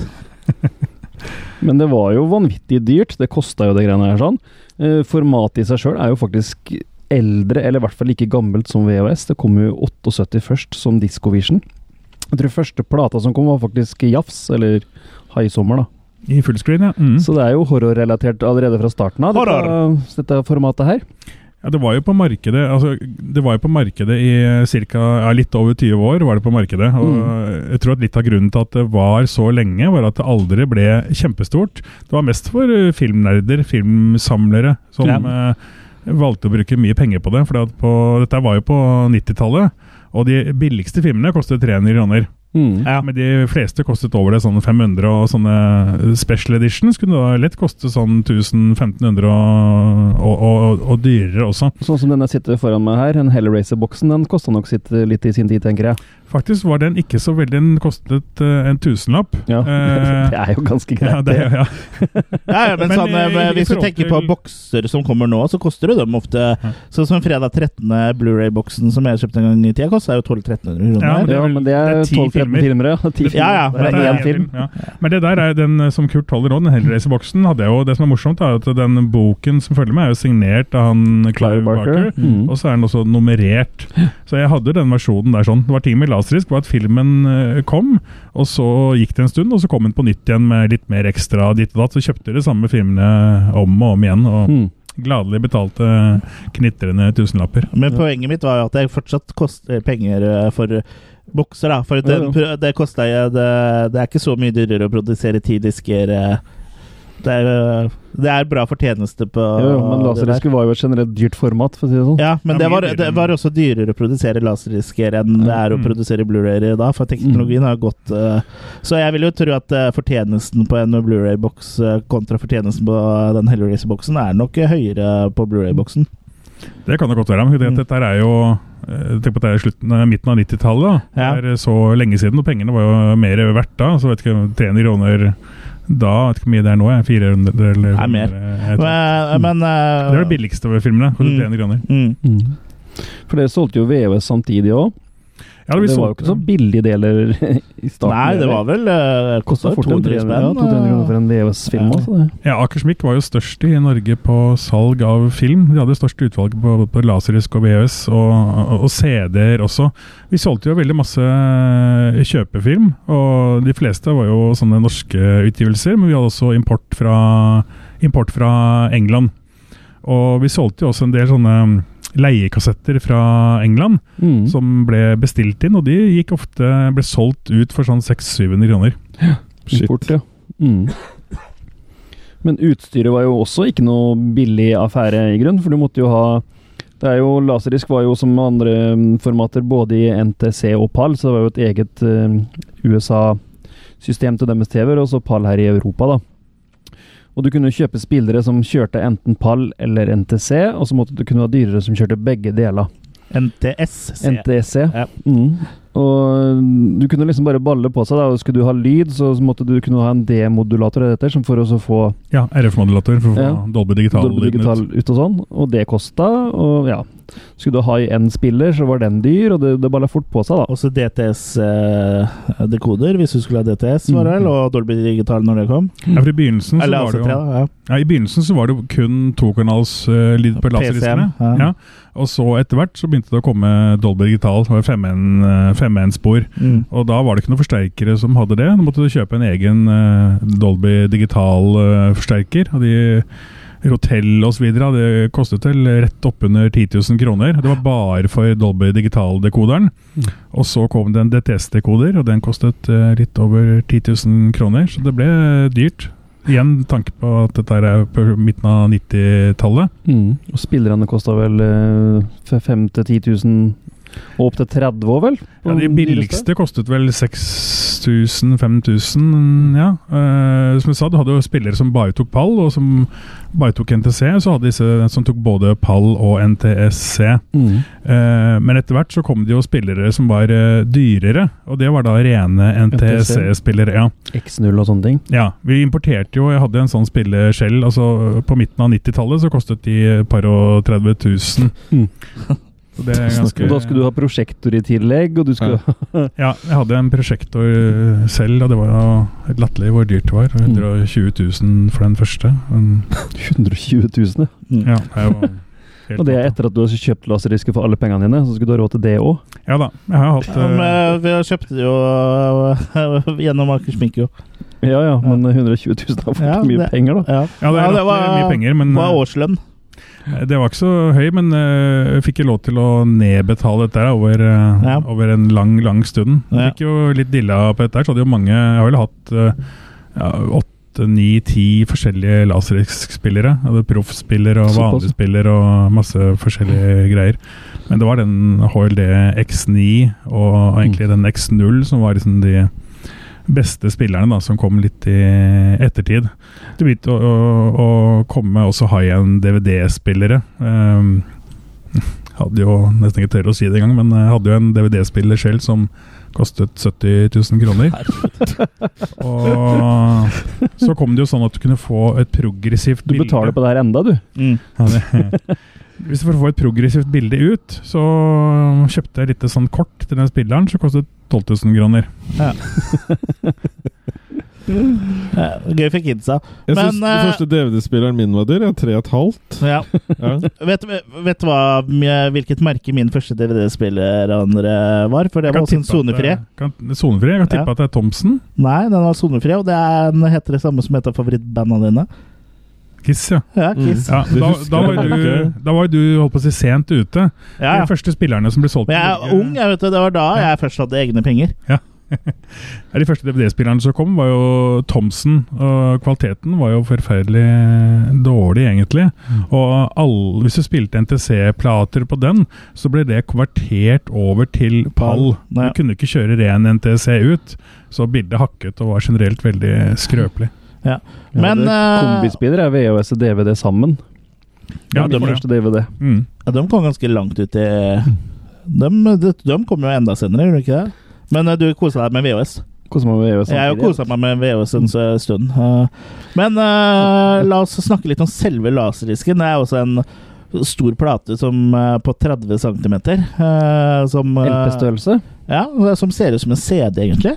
Men det er jo ikke en CD, det er en laserdisk. Men den blir jo lest med samme laser, eh, type rød.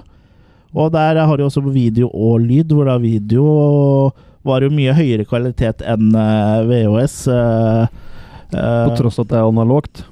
Ja, ja, øh, for det går jo an å ha høyere kvalitet for det. Uh, Ja, ja. Hadde VHS hatt øh, bredere te teip, så hadde jo det vært bedre også. Men det er nok en slags oppfatning hos mange at laserdisk kanskje var digitalt, men det var det jo aldri. Nei, lyden øh, er var digital, digital. men bildet er analogt. Så, det er jo sånn det er jo sånn riller eh, på, eh, på nesten, nesten sånn LP-aktig, eller sånn hull, på en måte, som gjør, eh, lager bildet. Så det er derfor du får, kan øh, få litt sånn bildeforstyrrelser øh, ved øh, rott, laser rot og sånn, da. Mm. Eh, Men eh, når jeg først er på bildet, så var vel eh, I enkelte tilfeller så kunne jo nesten være Ja, det var jo dobbelt så mange linjer som VHS omtrent. For de skikkelig dårlige VHS-spillerne hadde jo sånn type 340 linjer, og på laser så var det jo vanlig med sånn 525. Man kunne vel Mm. gå opp til 625 eh, eller noe sånt nå, André? Det er du Jeg, som er jeg tror det var eh, jeg lurer på om det var 480 på NTC, sikkert er helt feil, og litt over 500 på pall. Men problemet på pall var vel at eh, Ja, det, står- det på eh, Ja, på KAV så kunne det være CAV, ja. 625. mm. På CAV kunne det være 625, så det er jo en dobling av VHS. Men da var det bare plass til en uh, halvtime minutter. på hver Mm. side. Men uh, dobbel bildekvalitet, eller dobbelt så bra antall linjer, da. Eh, Mm. la oss kalle det oppløsning, bare så folk henger med, som VHS eh, var.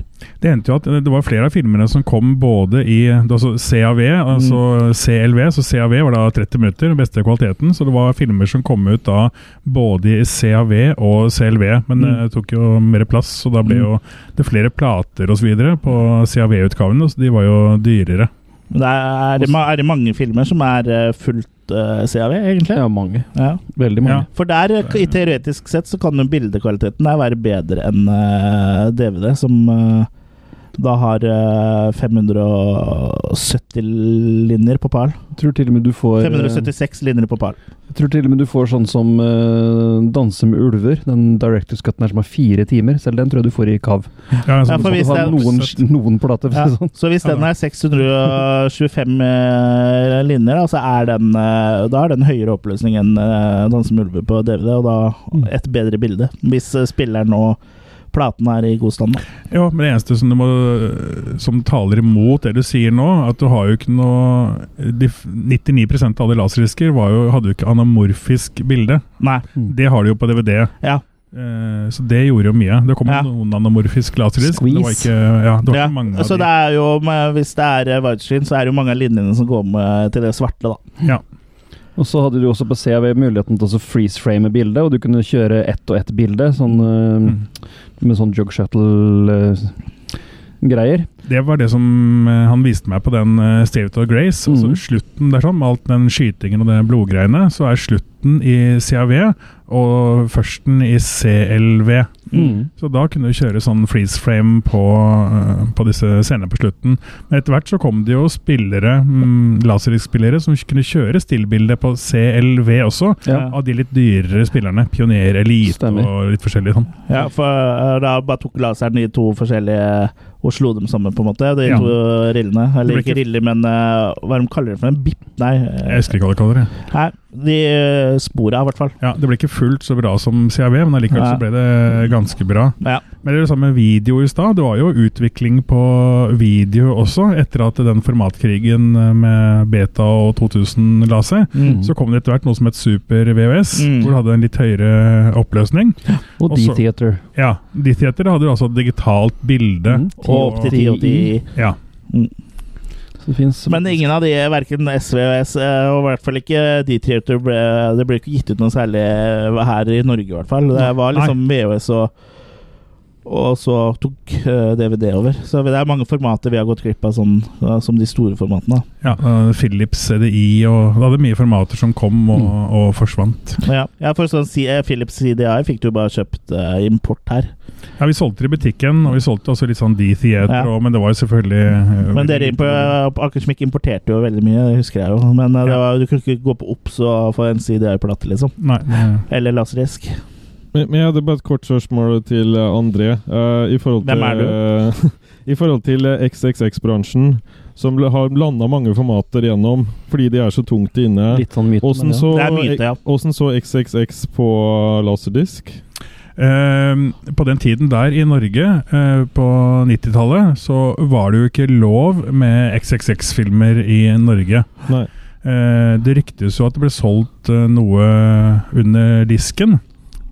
Laserdisker med XXL. Det ble solgt under laserdisken, ja. under laserdisken. Ja. Mm. Så vi hadde jo vi hadde en del eh, pornografiske titler på laserdisk på Akersmik. Jeg husker vi hadde blant annet en eh, I forbudtkassen, det, da. Ja, det var en, det var en annen forbudtkasse. En ekstra forbudtkasse. XXX-forbudtkassen. Ja. Så vi hadde faktisk uh, Cliffbanger på laserisk.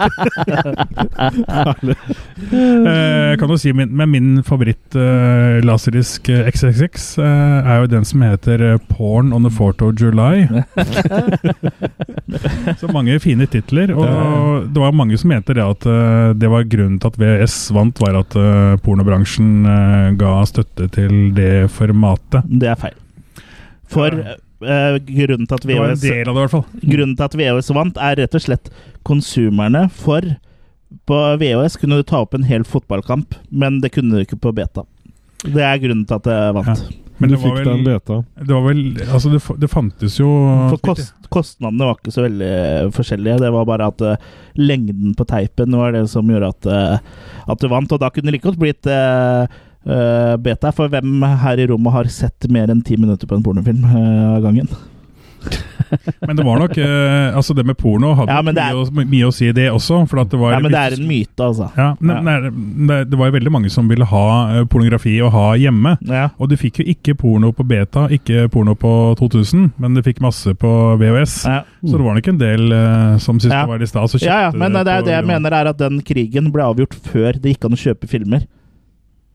Mulig. Uh, for uh, Mm. det var bare leiefilmer som var på den uh, tida der, også i USA. Så beta var død dem før du kunne kjøpe din egen erotikk. Det, som, det, var jo, Sånn så å si, da. det var JDC som hadde VHS, og en av grunnene mener jeg vel at de VHS, nei altså JVC lisensierte ut, så det var andre som fikk lov til å lage VHS-spillere. Ja, det gjør også at det blir mer utbredt, Ja, så. Sony sa jo, Både Sony og Philips, som hadde 2000, de ville ikke la noen andre produsere spillere. Nei. Men eh, JVC var smarte der sånn, sa at aldri kunne fått produsere VS-spillere, og da ble det solgt mer spillere, og da ble det selvfølgelig solgt mer software. Og det, og det er sånn vi vinner formatkrigene, for det var jo det samme også når IBM og andre datamaskinprodusenter eh, sto mot hverandre, så lisensierte jo IBM ut eh, deres måte Altså folk kunne produsere deres eh, datamaskiner, og da ble jo det det som vi da kjenner som PC.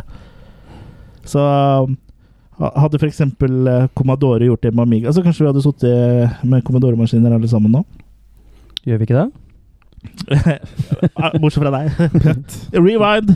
Rewind. Ja, men uh, jeg lurer på når, når de store firmaene skal lære av det der, for uh, ofte så er sitter de og holder på sine egne løsninger og ender opp med å tape, liksom. Det må jo være bedre å tjene og de, si dele inntekten med noen enn å ikke ha inntekter i det hele tatt. Men uh, sånn virker det nesten som om det ikke er. For det, og, ofte så ser vi jo sånn på filmer hvor folk sitter på Hvor det er mange forskjellige firmaer som sitter på rettighetene, f.eks. i en franchise, og så nekter de, og da kommer liksom ikke alle filmene ut i i, én en boks, og i enkelte tilfeller så kommer ikke den filmen ut i det hele tatt, og da tjener du ingen penger, i motsetning til å tjene noe penger, og det syns jeg er utrolig rar eh, business. Mm. Det må jo være bedre å tjene noe enn ingenting. Ja, det er mange som sitter og tviholder på ting. Ja. som, som sitter og tviholder på Dawn of- Dawn of the Dead. At den eh, aldri har kommet ut ordentlig restaurert osv. Ja.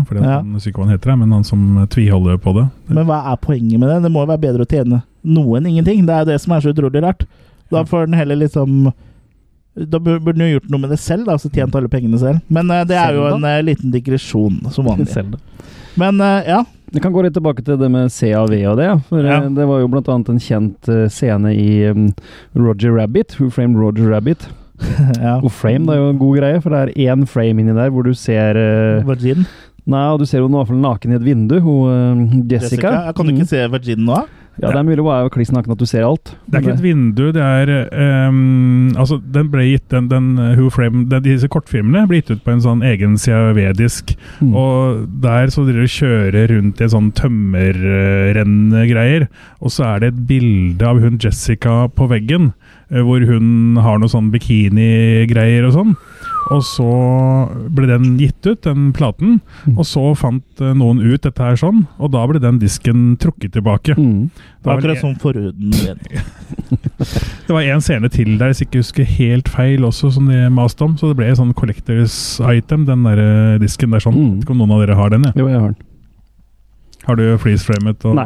det har jeg ikke gjort. Jeg vet ikke hvor jeg skal begynne å lete, så jeg gidder ikke å se hele filmen. frame Nei, og frame. han eh, har alltid ejakulert før han har kommet så langt. Eller ikke. Apropos Roger Rabbit, det er det jeg lukter nesten en fremtidig episode. Eh, så jeg kan tease litt. Det var en liten tease. En eller annen gang kommer det en Roger Rabbit-episode. Og når den kommer, det forteller vi i premium. ja. Eh, Mm. ja, men eh, det var jo ikke bare bilde da, på Lasseris, det var jo også lyd. Og det er jo Lyd er kanskje en av de grunnene til at eh, mange samlere eh, fortsatt trykker dette formatet til sitt bryst. Eh, for det er jo veldig god lyd, ofte, på, på Laserisk. Selv eh, den vanlige PCM eh, tokanals-lydsporet er jo mm, ofte bedre enn eh, mange nye moderne mikser, fordi de ikke komprimerer det så hardt. Og da mener jeg ikke komprimering i sånn bits and bites, men sånn at eh, komprimering av lydbølgene. Da, at, eh, for eh, hvis man ser lydsignalene på nesten alt av musikk og og film eh, Ikke soundtrack så mye musikk, men liksom lyden til filmen. Da, så jo det, Mm. ser du det som en uh, murstein, ikke sant? Mens Mm. det er litt mer dynamisk lyd, da, føler jeg, på laserdisk. Det var ukomprimert, som du sier, ja. Ja. Ja, ukomprimert tokanalslyd, vel å merke. Men det er hvis Ja. du bare har to høyttalere, så vil jo det alltid være bedre lyd på laserdisk enn DVD. For det på DVD-en så er det jo stort sett alltid kun et komprimert lydspor som ligger i Ja, men jeg snakker ikke komprimert som i at det er zippa som en film. Jeg snakker komprimert i at det er dynamikk, at det kommer en lav lyd, og så kommer en høy lyd. Og for uh, på moderne uh, mikser så er all lyden bare en blikk bortover. Ikke Loudness Wars, som Mm. Metallica. Men det er i hvert fall DVD-er er jo mer komprimert enn tokanalslyden. Ja, ja, og det, det er det, men det er ikke det jeg snakker om når jeg snakker om komprimert. Det er at det er mer dynamikk i lyden, fordi de tar ikke og kjører gjennom eh, kompressorer og normalizere som bare ødelegger hele dynamikken i lydbildet. Så det er den type komprimering jeg snakker om. Jo. Skjønner? Det er bra. Ja. og det, det er det, det som jeg liker med eh, Laserdisc, da. eh, at eh, det er liksom Det er fyldigere og mer dynamisk lyd, for den er ikke kjørt gjennom så mye eh, dritt for at den skal For at den skal høres bra ut på den dårlige TV-en som tanta di har kjøpt på Ops, liksom. Mm. For det er jo, det er jo derfor Når den står i butikken. Ja, det er jo derfor de har gjør det greiene her, og jeg syns nesten aldri det høres bra ut, jeg. Du må jo få deg en sånn RF-dekoder, som jeg sa. En sånn 5.1-dekoder til laserdisk-spilleren din, og så Ja. um, høre hva du syns da. Ja. Jeg har selv sittet og sammenlignet, og det er vel eh, Sånn som du gjør nå, så tar du vel lyden ut analogt i to kanaler. Ja. Så er det laserdisk-spilleren da som gjør dem fra digitalt til analogt. Eh, Ja, og så altså splitter receiveren min uh, i det. For Ja, eh, gjette når det er Dolby. Surround, da, så er det jo en programmering Da Eller da ligger det jo inne i lyd... eh, Det ligger jo en kode En sånn lyd man ikke hører inni inni lyden her, som eh, splitter det riktig. da. Senterkanalen vil, eh, vil nok oppleve en stor forskjell til hvis du får dobbelt digitale dekoder. Ja. Klarere, klarere lyd. da. Ja, Så, hmm. ja. ja det står på ønskelista. Det er snart jul, André, så vet du hva du kan putte under treet mitt. Men det er vel en fordel for oss som er 40 pluss, at det er klarere lyd. Det er sant. det er Ja. sant. Jeg har jo en sånn uh, demodulatorsak, jeg, men jeg har jo lånt den bort, så jeg bruker den ikke sjøl. Nei, det er jo den jeg egentlig skulle ha, men den funka ikke med receiveren min. Har Nei, stemmer. For det var sånn analog eh, for én og én høyttaler, og det er receiveren min for ny til. Mm. Altså sånn fonoplugg for hver kanal. Mm. Det, For den hadde, den hadde jo ikke digital Den hadde vel ikke optisk, tror jeg. jeg husker, eller koax. Jeg husker ikke helt ennå. Det er samme det. Det er jo ikke så Ja, interessant for lytterne. Passer ikke på nye, nye Mm. Passer ikke på min, i hvert fall. koder, holdt jeg på å si. Forsterker. Hvis vi er tilbake til det med CLV og CAV, så var det mye morsomt på laserdisk. Hvis du har CAV, så var det vel var det 50 000, tror jeg, stillbilder på én side ca. Mm. Og da kom det jo en del som jeg ser, filmer i CAV, men det kom også en del andre ting. 54 000. 54 000, Mm. ja. Um, det kom annet sånne um, Louvre. Uh, så var det en sånn laserdisk CAV som hadde da 18 000 malerier som var lagt som stillbilder. Oh, ja, altså Riktig. Ja, så det var altså stillbilder, og det var mange også laserisker som hadde sånne stillbildearkiv. Altså 1800 og skript og Ja, for du kunne programmere at den skulle stå på ett og et bilde Ja, du kunne enten kunne hoppe ett og et bilde, Ja. eller så kunne du sette den på sånn sakte avspilling. ja. Det var mange da som brukte det som sånn bakgrunn, at jeg hadde øh, i stuen. At jeg Ja. hadde bilder som skiftet osv. Så, videre. så det var øh, vanvittig mange tusen bilder på disse her kunstlaserdiskene. Ja, og det, det er jo litt i vinden nå igjen. Det er ikke Samsung som har sånne TV som er liksom sånn uh, bilderamme. Hvor Mm. ramme, alle andre TV-er skal være så tynn ramme som mulig, og så kommer Samsung med sånn der med svær treramme rundt. Så det skal se ut som maleri. Det heter vel Samsung Frame eller noe sånt. da. Ja, det ut øh, Det kom en del sånne pussige ting på Laserisk som vi solgte en del av. Eh, det som jeg fortalte om i går, og disse her, eh, som var litt småpopulært, disse japanske hagene. Mm. Veldig sært. Var Let's go out in the Japanese garden. Ja, det, det var da ca. en tusenlapp, eh, og den såkalte filmen varte vel en eh, knapp eh, halvtime. Og det var gjerne filming av trær fra japanske hager. Som, det var sånn brifing eh, Kvaliteten var veldig bra. De filmet sakte, og det så veldig bra ut. Så hadde en del som kjøpte sånne ting også. Ja, En av første gangene jeg så laserdisk, var også en som Vidar, eh, kompis av oss, kjente den gangen, som hadde laserdisk-spiller på sånn knøttlite rom, hvor han hadde satt opp eh, ja, alt av surround-lyd og forsterkere og prosjekter og sånn. Og så satte han på en sånn demonstrasjonsdisk, hvor jeg blant annet husker det var en som sto og fiska. Fista? Ja, fista. Mm. Så han kaster jo med å si, snøret med fiskestang, og da hørte du altså den sveipa Den derre snora kom sveipende i lyden bak, og så Ja. over deg, og så foran, og så den små den der, plaskelyden fra dråper og Mm. Det var sånn for å demonstrere lyden, da. Mm. Jeg husker også han viste innflyvingsscena til uh, eh, krigsfilmen Apocalypse Now. Mm. Helikopteret i begynnelsen. Helikopteret her, ja. Den innflyvingsscenen der, hvor de også kom bakan til, og bare lyden blir bare mer og mer, og så buldrer, og så kommer de forover. Ja. Det er akkurat sånn du opplevde når du var, titt, uh, var bøyd over forbudtkassa. Så bare hørte du at det kom bak deg. bak. Helikopteret bak. Kom bak, ja. Du hørte sno, uh, Snøre bare sveipa. Det husker jeg var vanvittig imponerende. da, Første gang du fikk oppleve sånn surround-lyd. og Mm. Det var veldig mange som var ivrige på det når de fikk seg surround-dekodere, altså filmer med helikoptre. Det var Ja. mange som mente at helikopter helikopteret var jo laget bare for å ha, ha bra lyd. Så ja, cliffhanger og sånn var jo veldig flott lyd på, husker jeg. Da var det sånn helikopteret kom, eh, kom bakfra, tok deg bakfra. Så, det, Du gjorde det med cliffhanger Cliffbanger òg. Ja. det, det var ikke bare helikopteret som kom bakfra der. Så her hadde du bytta ut propellene med svære dildoer. Du har sett den, ja? Du har sett den. Jeg har sett den. Jeg er eh, regissør på den, jeg. Men, men kom det også noen sånne Og Reginor. 3D-utgaver eh, med noe ting? 3D eller 3D? 3D-effekt-type Å, ja. ting? Det var ikke så mye 3D på laserisk, nei. Men, Nei. Um, Men det var vel støtte for sånn eh, rød og grønn? Freddy's Dead er Ja, litt 3D. Freddy's Dead har jeg. Dead er 3D. ja, ja, fordi, ja, den er, eller litt av den er 3D. Ja, men det er bare litt av filmen som er filma i 3D, fordi Ja. det var det de hadde råd til. Jeg husker det kom jo pornografi på DVD også. Og noe annet som kom på DVD, var jo det som heter multi-angle. Det var noe som de eh, hypet stort opp på DVD. At du da fikk opp et lite ikon øverst i hjørnet. Så kunne du trykke på en knapp, og så kunne du se da filmen fra en annen kameravinkel. Ja, og det var det kun porno som brukte. Så Ja, Det var ikke kun porno, det var noen filmer som ble laget. altså Delvis var da multi-angle, men det var jo eh, XXX som var størst på det multi-angle-greiene. Ja. Så på Akersmik så var det sånn at uh, folk syntes det var Synes kanskje det var litt flaut da, altså å komme inn og si at du skulle ha en uh, saftig pornofilm. Så det ble et sånn slags sånn kodeord at de kom inn og sa at de skulle ha en sånn multi-angle-film. så da fisket, ble det fisket opp. Uh, Multi-Angela. mm. Ja. Men det, det var jo ikke det, Jeg husker å ha sett en sånn uh, multi-angle-film, jeg også. Ja vel. Ja, ja, ja. Og det, uh, det var jo ikke sånn sømløst, det kamerabyttet. Det stoppa jo litt opp.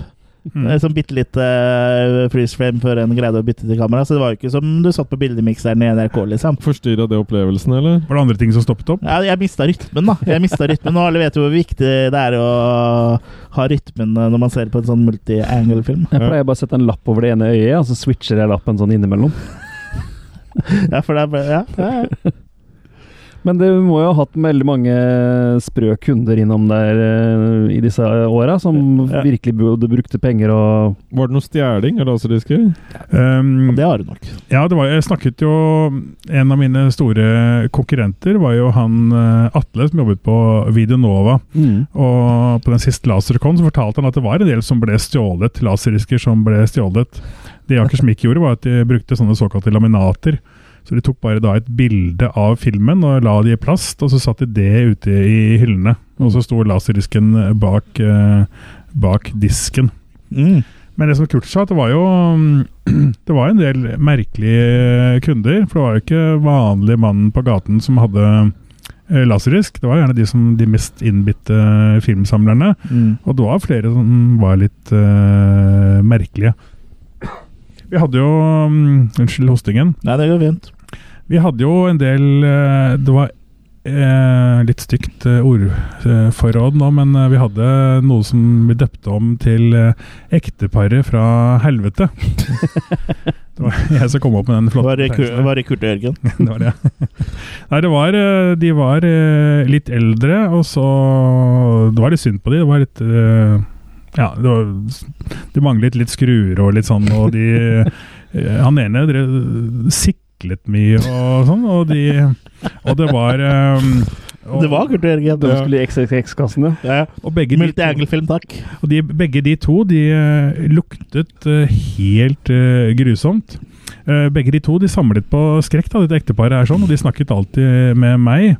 Og det som var trist, var at de, de var jo svette og fæle og stygge, og de hadde flass, og det luktet helt grusomt. Og det verste var at uh, ingen av de to hadde noe av det vi kaller for intimsone. Ja, ja. Så hvis de snakket med meg, så kom de veldig nærme. Og hvis jeg da prøvde å trekke meg litt tilbake pga. den intense lukten, så De sto faktisk så nærme at du trakk deg ikke tilbake, du trakk deg ut. Så nærme sto de. Ja, det, var, det, var ikke, det, var ikke, det var ikke langt ifra, så det var en sånn selsom opplevelse å stå i de trange hyllene bak og så få den intense lukten. eh, Både ånden og kroppslukten. og Det var Ja. eh, grusomme greier. Så det var ekteparet fra helvete, som de De kalte hadde råd til laserdisk, men ikke til Du dusj. visste filmene fikk godt hjem. Men de stjal, eller? Nei, de stjal ikke. Å, nei. Eh, ikke som jeg vet, i hvert fall. da. Nei.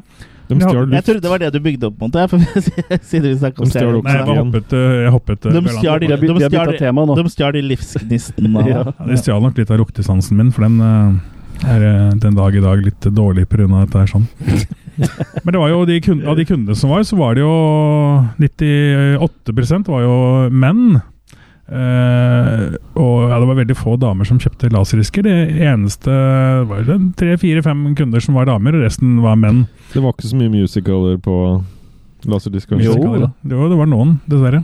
Det er mest menn som har kjøpt musical på laserdisk. Det eneste gangen som vi så masse damer i butikken, det var uh, rundt juletider. For da kom damene til disse folkene her sånn, og så kjøper julegaver til uh, mennene sine. Mm. Så ellers, bortsett fra det, så så jeg veldig lite damer i butikken. Så det ble sånn det, Når det kom eh, Når julesesongen var og damene kom inn, du bare Det skrek du til dem og sånn da? Ja, det er hyggelig å se, eh, se damer også, ikke bare menn. Nå sitter jeg her, da. med Skal du bare- betale, skal du betale kort, kontant eller natura? «Åh, Kom og se forbudtboksen min! Skal de være med meg bak og se på forbudtboksen Forbidden det var, Pants. Det var veldig mange som, av kundene som var uh, ivrige. Jeg husker det mm, Det hadde en sånn fyr som var vanvittig interessert i Star Trek. Han skulle jo Jørgen ha møtt, som er eh, forholdsvis ivrig med Star Trek. Husker han ringte og maste hver eneste dag før en eller annen sånn Star Trek-film skulle komme. Han maste og maste og maste. Har den kommet? Har den kommet? Har den kommet? Kommet, ja. han, han gjorde det, ringte gjerne flere ganger om dagen, selv om jeg sa at han kom i neste uke. Så kunne han ringe dagen etterpå. Jeg tror han kom eh, oftere. Han gjør det, ja. Og jeg, jeg ringte jo til han når eh, den nye Star Trek-filmen kom, og da Du hørte kom på han. et skrik. ja, han, eh, han la på røret. Ikke for godt, da, heldigvis, men han la på røret. Så tok det meget kort tid, så hørte jeg noen sånne buldring i, trappen. Og da kommer han inn, og da måtte jeg holde meg. eh, for da hadde han eh, kledd seg ut i full sånn Star Trek-kostyme. og hadde på en liten sånn frekk liten hatt og noe greier. og Det her høres så jævlig kjent ut. skulle, skulle han inn, Han, og han sitter ikke tvers over deg, han du snakker om nå, eller? Nei, det var nok ikke Jørgen. Han var mer ivrig enn en Jørgen. Så da han kom, så husker han bare smilte, og så viste han det derre eh, rare fingrene som de holder opp i været i Star Trek. and. Ja, Ja. ja, det var det verre. Så Mm. han uh, Dere aldri har sett en mann smile mer. Men det var Jeg syns det er artig når folk er såpass ivrige at de Ja. kler seg ut bare for å hente en film. Det her må jeg prøve å finne ut hvem jeg er. Men apropos kle seg ut, har vi fortalt åssen Jørgen ser ut uh, i dag? Det har vi ikke sagt. vel- for, for å beskrive Jørgen, han sitter da i rosa joggebukser og en T- T-skjorte eller genser med Captain Spaulding eh, på. Captain Spaulding er jo en fantastisk mann. Han spiller jo i flere av eh, filmene til den eminente Rob Rob Zombie. Zombie. Mm. Men, eh, Rumperobb. Men på tross av jo, rosa joggebukser og Captain Spaulding-genser, så føler jeg at når vi kommer til hodet, uh, André, at det er her moroa begynner. Ja, det er det. Uh, Det lille hodet har jeg ikke sett, men uh, Nei, men Det er eh, enda mer sminka. da må vi bruke Hubble-teleskopet, og det har vi ikke tilgang til akkurat nå. Men jeg har bestilt. jeg er veldig stolt av Jørgen nå, for eh, for anledningen så har han da fått på seg en uh, parykk. Og Ja, det er du så gutta i du, Nå måtte Jørgen se på han, han hadde ikke lagt merke til det. Chris Eh. så på han. Jo, men jeg, jeg bare vet hvilken parykk det er. Og det er en, for det er den parykken. Nei, nei, Nei, det er det ikke. Det er ikke min mors. Nei.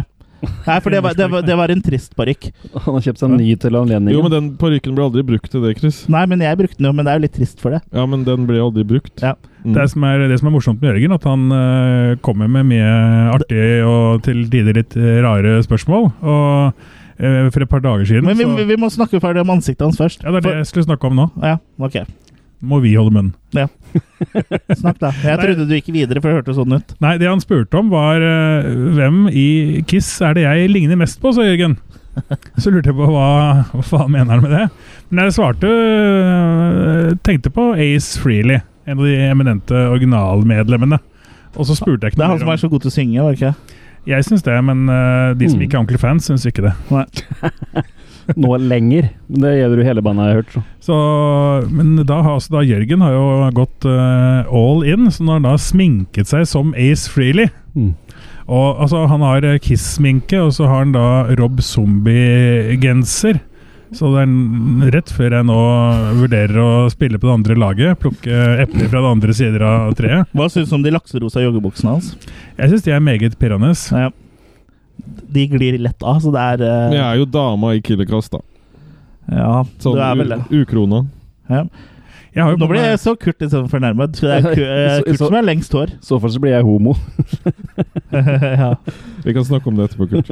Nei, jeg og Kurt tar, uh, tar, på tar, det, på, tar det på bakrommet. Jeg har en buttkasse. jeg har på meg Rob Zombie-genser, jeg også. Så 50% av Killercast i dag har på seg Rob Zombie-klær. Og vi andre har smak. Du har eh, et Sarpsborg-band, Kurt. Det er Arch. Sarpsborg-band, og det Mhm. kan vi snakke mer om i uh, For der var Eirikur uh, eh, Ja. Der var Eirikur med. Ja, så hva, Vi kan bare nevne hva det bandet heter. De heter Arch. Ja, og dem eh, kan du høre mer om i premiumepisoden, som Yes. eh, Så ble gitt ut uh, kanskje om en uke fra nå av, tenker jeg. Ja. Uh, og uh, den eh, kan du få tilgang til for kun 39 kroner per måned. Mm, og da kan jo André også være med å plugge den, for han er jo faktisk en eh, En av dem som har hørt alle disse episodene òg. Plug it in! it ja. Ja, de premieepisodene er uh, morsomme. Jeg har ikke noe sånn økonomisk eh, baktanke, men jeg tenker at hvis det er, det er altså 39 kroner eh, i måneden, så én ting er at det er kult å få tilgang til de premiumpodkastene, men Det er en tiendedels laserdisk, det. ja, det, André, du har jo gjeldsordning i Killercast, så du betaler jo ned på det. Men jeg skjønner jo at eh, jeg ser alt utstyret dere bruker, og tiden dere bruker, og så sponse dere med 39 kroner i måneden, eh, er ikke ille. Så det syns jeg det er eh, vel verdt. Så er, Så kanskje vi bør bare få folk hit, så, Så du, ser skry, hva vi, du, så ser hva vi har å arbeide du skryter av utstyrene våre? Ja. Det er det du sier nå? det er et veldig bra utstyr. Okay. Jeg overnattet jo hos eh, han eh, Calzone i natt, så Mm. Det var bra utstyr der òg? ja. Ja, det er meg, da. Jeg bruker vel ikke Calzone-kallenavnet. Vil alltid være Calzone for. Ja, ja, for andre vil jeg alltid være Calzone, men eh, Chris Calzone er kjært barn. I fantasiene til André så er du Calzone. Men jeg brukte det som et kallenavn før. Det Mm. er, eh, medfører riktighet. Men for å liksom runde av denne Laserdisk-episoden litt, så kan vi ikke bare snakke litt om hva vi egentlig øh, For nå har vi snakka mye teknikk og linjer med her, og pris med her, og Det er viktig å tenke på linjene. modula modulatorer og dekoder og sånn. Men hva, hva er det som gjør at vi egentlig gidder å sitte og, og snakke om laserisk så mange år siden det egentlig var på høyden? Hva er det, som liksom, hva er det ved laserisk som tiltaler oss, da, hvis det er noe i det hele tatt? Eh, Kurt, jeg vet jo du er jo den av oss som har mest laserdisker, som er en uh, avid uh, samler, som man ville ha sagt på norsk-engelsk. Ja. Nei, For min del så er det jo det med at det var det, det high end-merket den gangen jeg ble filmsamler. Så når jeg ikke kunne realisere den drømmen når jeg var yngre, så gjorde jeg det nå i ettertid, da. Ja. Så det er egentlig, du har en midtlivskrise, du, med laserdisk. Midtlivskrise. Ja. Ja. jeg kjøpte ikke Ferrari, jeg kjøpte laserdisk. Ja, det er jo kanskje Du dør ikke av de laserdiskene, i hvert fall. Nei. Du kjører deg ikke i hjel. Men poenget er jo for meg nå at jeg syns jo det er kult format enda, med disse store covera, og det er noe fysisk håndfast som det virkelig Mm. er stilig, da. Uh, og kvaliteten er jo ikke selvfølgelig opp på Blu-ray og sånne ting, for all del, men det er fortsatt totalt sebart. Ja, ja. Moderne, moderne TV-er oppskalerer jo bildet, så det blir faktisk veldig bra, syns jeg, da. Så, mm, og så er det fortsatt faktisk titler som fins kun på laserdisk, sånn som Unrata Scream, Unrata um, øh, Fredag 9. Ja. Scream er på DVD også, uncut, men det er ikke okay. på Blu-ray uncut, og ikke på 4K. Og så har du sånn som The Keep, som faktisk Laserisk er den beste versjonen som finnes ennå. Den er ikke gitt ut på DVD engang. Så det finnes jo fortsatt titler eh, som det er moro å samle på Og her. True Lies, eh, som vi snakka om i stad, er ikke gitt ut på Blu-ray, men på DVD. da Så det er jo sikkert marginalt bedre. Men Jeg er usikker på om DVD-en er anamorphic. Jeg er faktisk litt usikker på. Ja, det er jo i hvert fall ikke laserdisken heller, men hvis, hvis eh, DVD-en ikke er anamorphic, så er det ikke så mye ekstra å hente, faktisk. Det finnes jo ingen amerikanske anamorfiske laserdisker, det er bare japansk òg. Da får Ja. du den der dumme skriften på skjermen. Squeeze, ja. Men hva er inngangsbilletten for å bli en lasermann? Eh, Sånn pengemessig, Du må kjøpe en spiller. Uh, par Hva, hva, tusen. ja, par tusen for spilleren, og så hvor mye Så det er ufor- så mye eller fra rundt en 500 kroner. Ja, Hva får du en spiller for nå? Jeg tror jeg kjøpte min for 1200 eller noe. Ja. Men det er uforholdsmessig dyrt med tanke på hvor gammelt det er. Det her er jo ingen annen så gammel teknologi du hadde betalt så mye for, sånn egentlig. Folk gir mer for en betaspiller, for Ja, å si det sånn. ja men det Men hva gir man typisk for en film? 50, Ja, 50 til 80 oppover. til 600 spenn. Det kommer helt an på. Men mest er rundt uh, 50 til 100. Ja. Men, Men- det her kommer til å svi når de fjerner den 350-kronersgrensa? Nei, for det er bare innafor Norge. Okay. Ja. Uh, for det er her Det er veldig stort laserisk miljø i Norge. Når kan man dra på en convention neste gang med Men- det? For Om et år. Om et Ja. år. Det Det er vært nå. årlig i Oslo.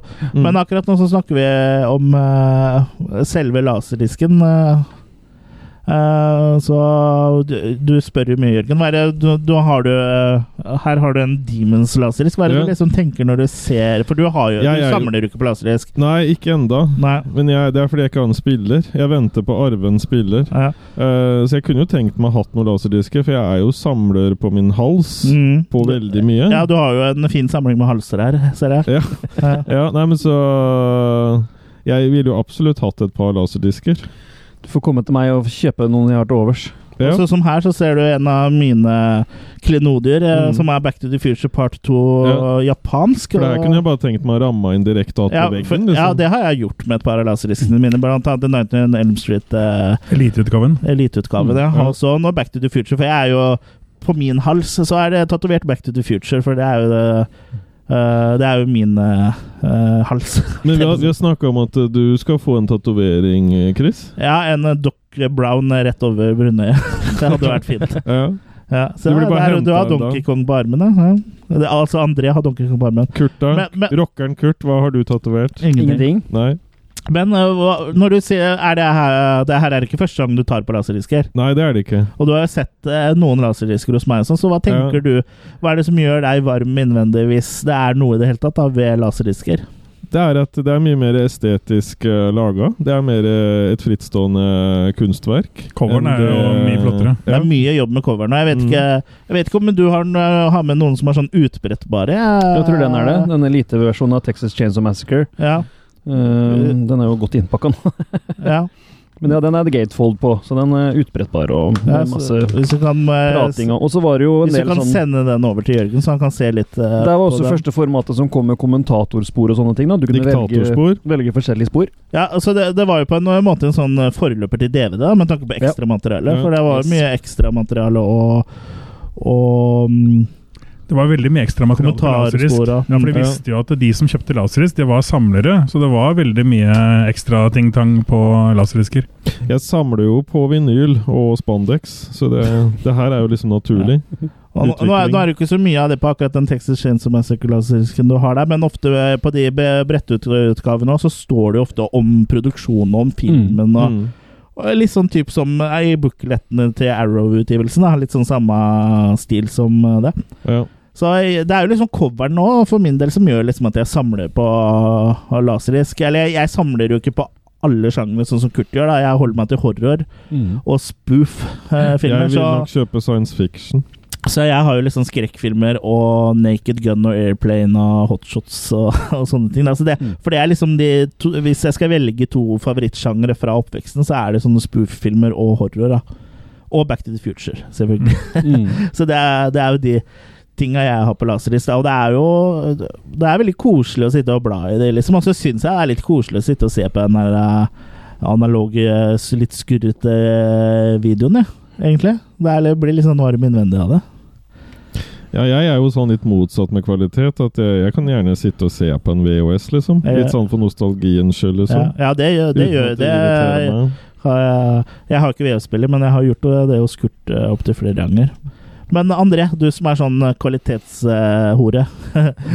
Hva har du fortsatt noen varme følelser eh, for laserdisk? Du har jo vært en eh, ivrig samler en gang i tida, men du har vel kvitta deg med det meste nå? Ja da, jeg hadde jo en eh, 1000 filmer på laserdisk. Og hvis jeg tenker tilbake på hvor mye jeg har betalt for det, når de billigste filmene koster 3 millioner stykk, så er det jo helt uh, latterlig, egentlig. Men uh, f- jeg syns jo coverne er veldig flotte.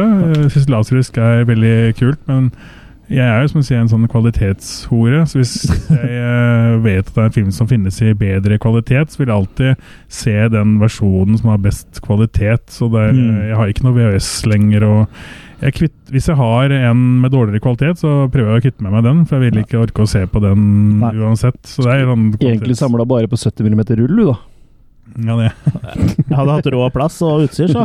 Men uh, du kunne vel nesten sett Jeg har kjøpt en så gammel 70 mm framviser for det du har brukt eh, på laserdisk og alt eh, og totalt uh, opp gjennom livet. Jeg tenker på at utstyret er uh, brukt og forsterker og Ja.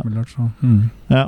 Men for meg også er det jo sånn som Nightmare Nærmest som jeg er fan av, Back to the Future, som jeg også er veldig fan av. Når jeg ser de filmene som er som jeg er veldig glad i, eh, så vil jeg se det i best mulig kvalitet som regel. Jeg, jeg også, så jeg ser jo de på Blu-ray. Mm. Men det er veldig gøy med litt sånn ekstra ekstramateriale og, og litt sånn moro Det er bare moro å ha, da, for gøy meg som gøy, ja. eh, er fan. eh, ikke? Ekstramaterialet er jo i ferd med å dø ut. Ja, og jeg er på Blu-ray så blir det mindre og mindre. Mm.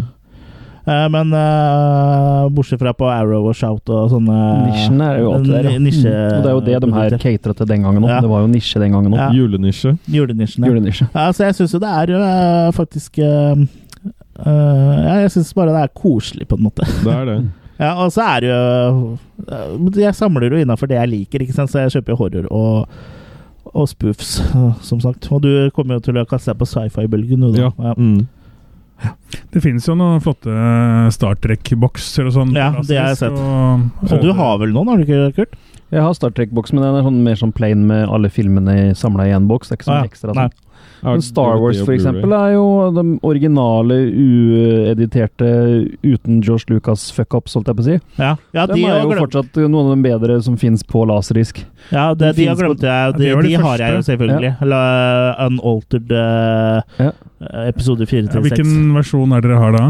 Jeg, har, jeg tror jeg har flere av dem. Jeg har den, der, den boksen som ligner på Hellraiser-boksen. Ja, den, jo, den har de tuklet litt. Den den er altered. Og- Og så har jeg den som kommer før den, som er i separate ja, de Fox-utgavene var jo Nei, jeg har det med ansikt Nei, Nei, den boksen jeg har, er ikke den sorte boksen, er ikke altered. Det kom inn etter den igjen nå. Ja. Som det bildet av Darth Vader ja, utapå. ja, Den er ja, altered. den er altered. jeg, jeg tror at den første sorte boksen er altered. Tror. Nei, det er ikke sånn som Ja, det er, den kom i ettertid, småting. iallfall. Jeg Ja. vedder en uh, poløl på at uh, du tar feil. Det kan godt hende de hadde satt på A New Hope i rulleteksta, men det er vel stort sett ikke Ja, men det har de gjort på alle home releases. Mm. Eh, Det, gjorde, de- det var på første VØS-en som kom òg. Med en gang det ble Ja. klart at de skulle lage mer enn én film, og det ble det jo Premierehelga ble det klart at det ble det, liksom. Mm. Så New Hope ble jo eh, New Hope tror jeg faktisk ble lagt inn eh, For jeg tror den gikk en runde til på kino før den kom på VHS, for den er jo ganske gammel. Mm, men den er sendt på TV uten. Ja, det er nok, for den kom sikkert på TV før VHS. VHS. Nå er det Disney som har rettighetene til Star Wars. Det er flere nå som går og håper at de da vil gi ut de vanlige eller unaltered versjonene på Blu-ray eller på 4NK. Det, vil jeg, det har jeg vært veldig klar for. Mm. Ja, men jeg, jeg tenker sånn eh, Det er jo en stor fanskare der, liksom, men tror, tror den er så stor at man ville tjent penger på å pusse opp de versjonene? De har allerede pussa dem opp. Det er jo folk som har sett dem. På Som- Skywalker Ranch eller noe sånt, så har de sittet og så fiksa dem allerede, men de har bare aldri gitt dem ut. Ja, men da er det jo en smal sak. Selvfølgelig. Så, Eh, så men, det er et eller annet som er i ja, gjerdet. for, for, for jeg tenker liksom hvis, eh, man, hvis de ikke hadde vært pussa opp, da, mm. og, og man må liksom ta det fra bånda, så må du, må du tjene penger, for alt er jo business. Du er ikke sånn Du Ja. lager ikke filmer for, å please eh, ti nerder, liksom. Det må, du må Det er det de har gjort nå, da, hvis de har pusset dem opp uten å gi det ut. Ja, det er jo, det er jo er det- idiotisk. ja. Det er jo idiotisk. Så det mye penger, så kan du jo men da er det jo sikkert vært en eller annen plan om å gjøre noe med det. Så er det blitt Mm. Stoppa av en eller annen byråkrat eller et eller annet møte eller en eller annen eh, nisse med hvitt hår og skjegg kan eh, som har sittet og vært sur Det kan jo Disney fordi han vil bytte ut lasersverda med hårfønere. Men det heter seg at det er rettighetsfallgruer der og da, at Disney har kjøpt ditt og datt og sånn og sånn, men ikke nødvendigvis rettighetene til originalversjonene, da.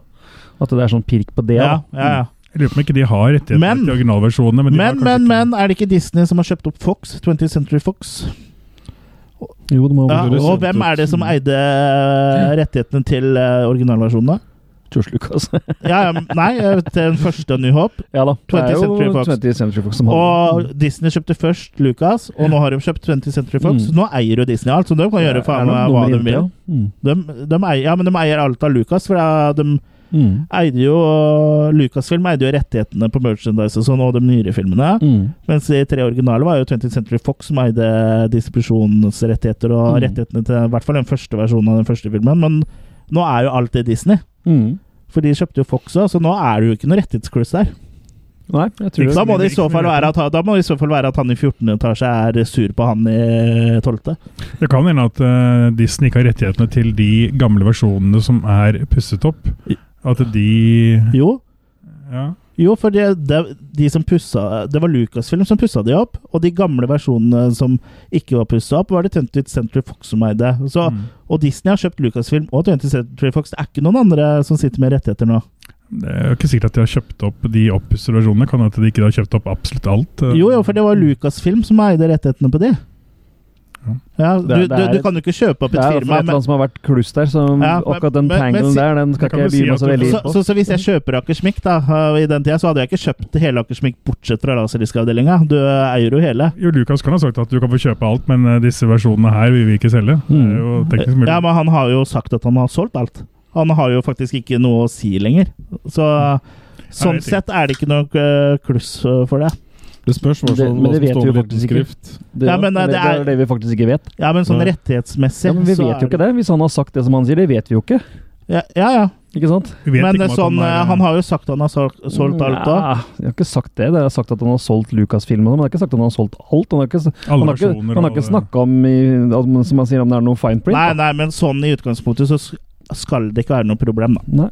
Nei. Nei, men det vi ikke vet, som jeg sier. Det er rett og slett ting vi ikke vet. da. Det er en grunn til at den fortsatt ikke har kommet. Ja, ja. Mm. Det, Det, Det, er vet jo vi ikke hvorfor, på en måte. Nei, men sånn i teorien så burde de jo ha alle rettighetene, for de har Ja, ja. kjøpt opp alle firmaene som noensinne har Mm. Det med Laserisk jeg, har jo, jeg ble jo faktisk eh, mer eller mindre tvunget til å flytte ja, pga. Laserisk. ja. Jeg jeg bodde på Smestad, i, eh, rett uten i utkant av Oslo, i en leilighet. Og da hadde jeg altså da fått opp surroundanlegg med svære høyttalere og ditt og datt. Og jeg bodde i en leilighet. Og jeg tenkte at uh, hvis naboene syns det ble for høy lyd, så tenkte jeg at da sier de sikkert ifra. Hvis det blir for mye bråk. Ah, ja. uh, jeg hørte aldri noen nabo, naboklager. Du fikk bare utkastelseordre? Nei, jeg fikk ikke det, men uh, husker jeg hadde besøk av et eh, vennepar. og Vi satt og drakk vin, og så ble klokken ble litt tror den ble halv tolv. eller sånn, ja. Og så fant jeg ut at det var en god idé å sette på den eh, Blade med Wesley Snipes. Wesley Snipes, ja. Og den hadde jo veldig bra lyd. Og i førsten så var det jo Det hadde jo faktisk DVD nå, husker jeg. ja, hvordan disko og greier, og Ja. mye dunking og, Ja. og så videre. Så Rave da party. spilte jeg kanskje litt høyere enn Romanvis, vanligvis, siden jeg hadde fått i meg litt mer rødvin og sånn. Og så er det en sånn togscene i filmen hvor det bråker noe grønn jævlig. Og plutselig så hører jeg at det ringer på døren. Det var, jo- Da har du ikke høy nok lyd. klokken var tolv eller halv ett eller noe sånt. Og så pauser jeg filmen og tar med vinglasset og skal sjekke hvilken apekatt det er som dere maser på meg så sent på kvelden. og åpner opp døren, og da står det en kar som jeg aldri har eh, sett før. Jeg ante at han bodde i nærheten, for han hadde bare på seg uh, morgenkåpe, en slåbrok. Hæ? Og- Morgenkåpe på kvelden? Hva faen er det her for en sjuk fyr?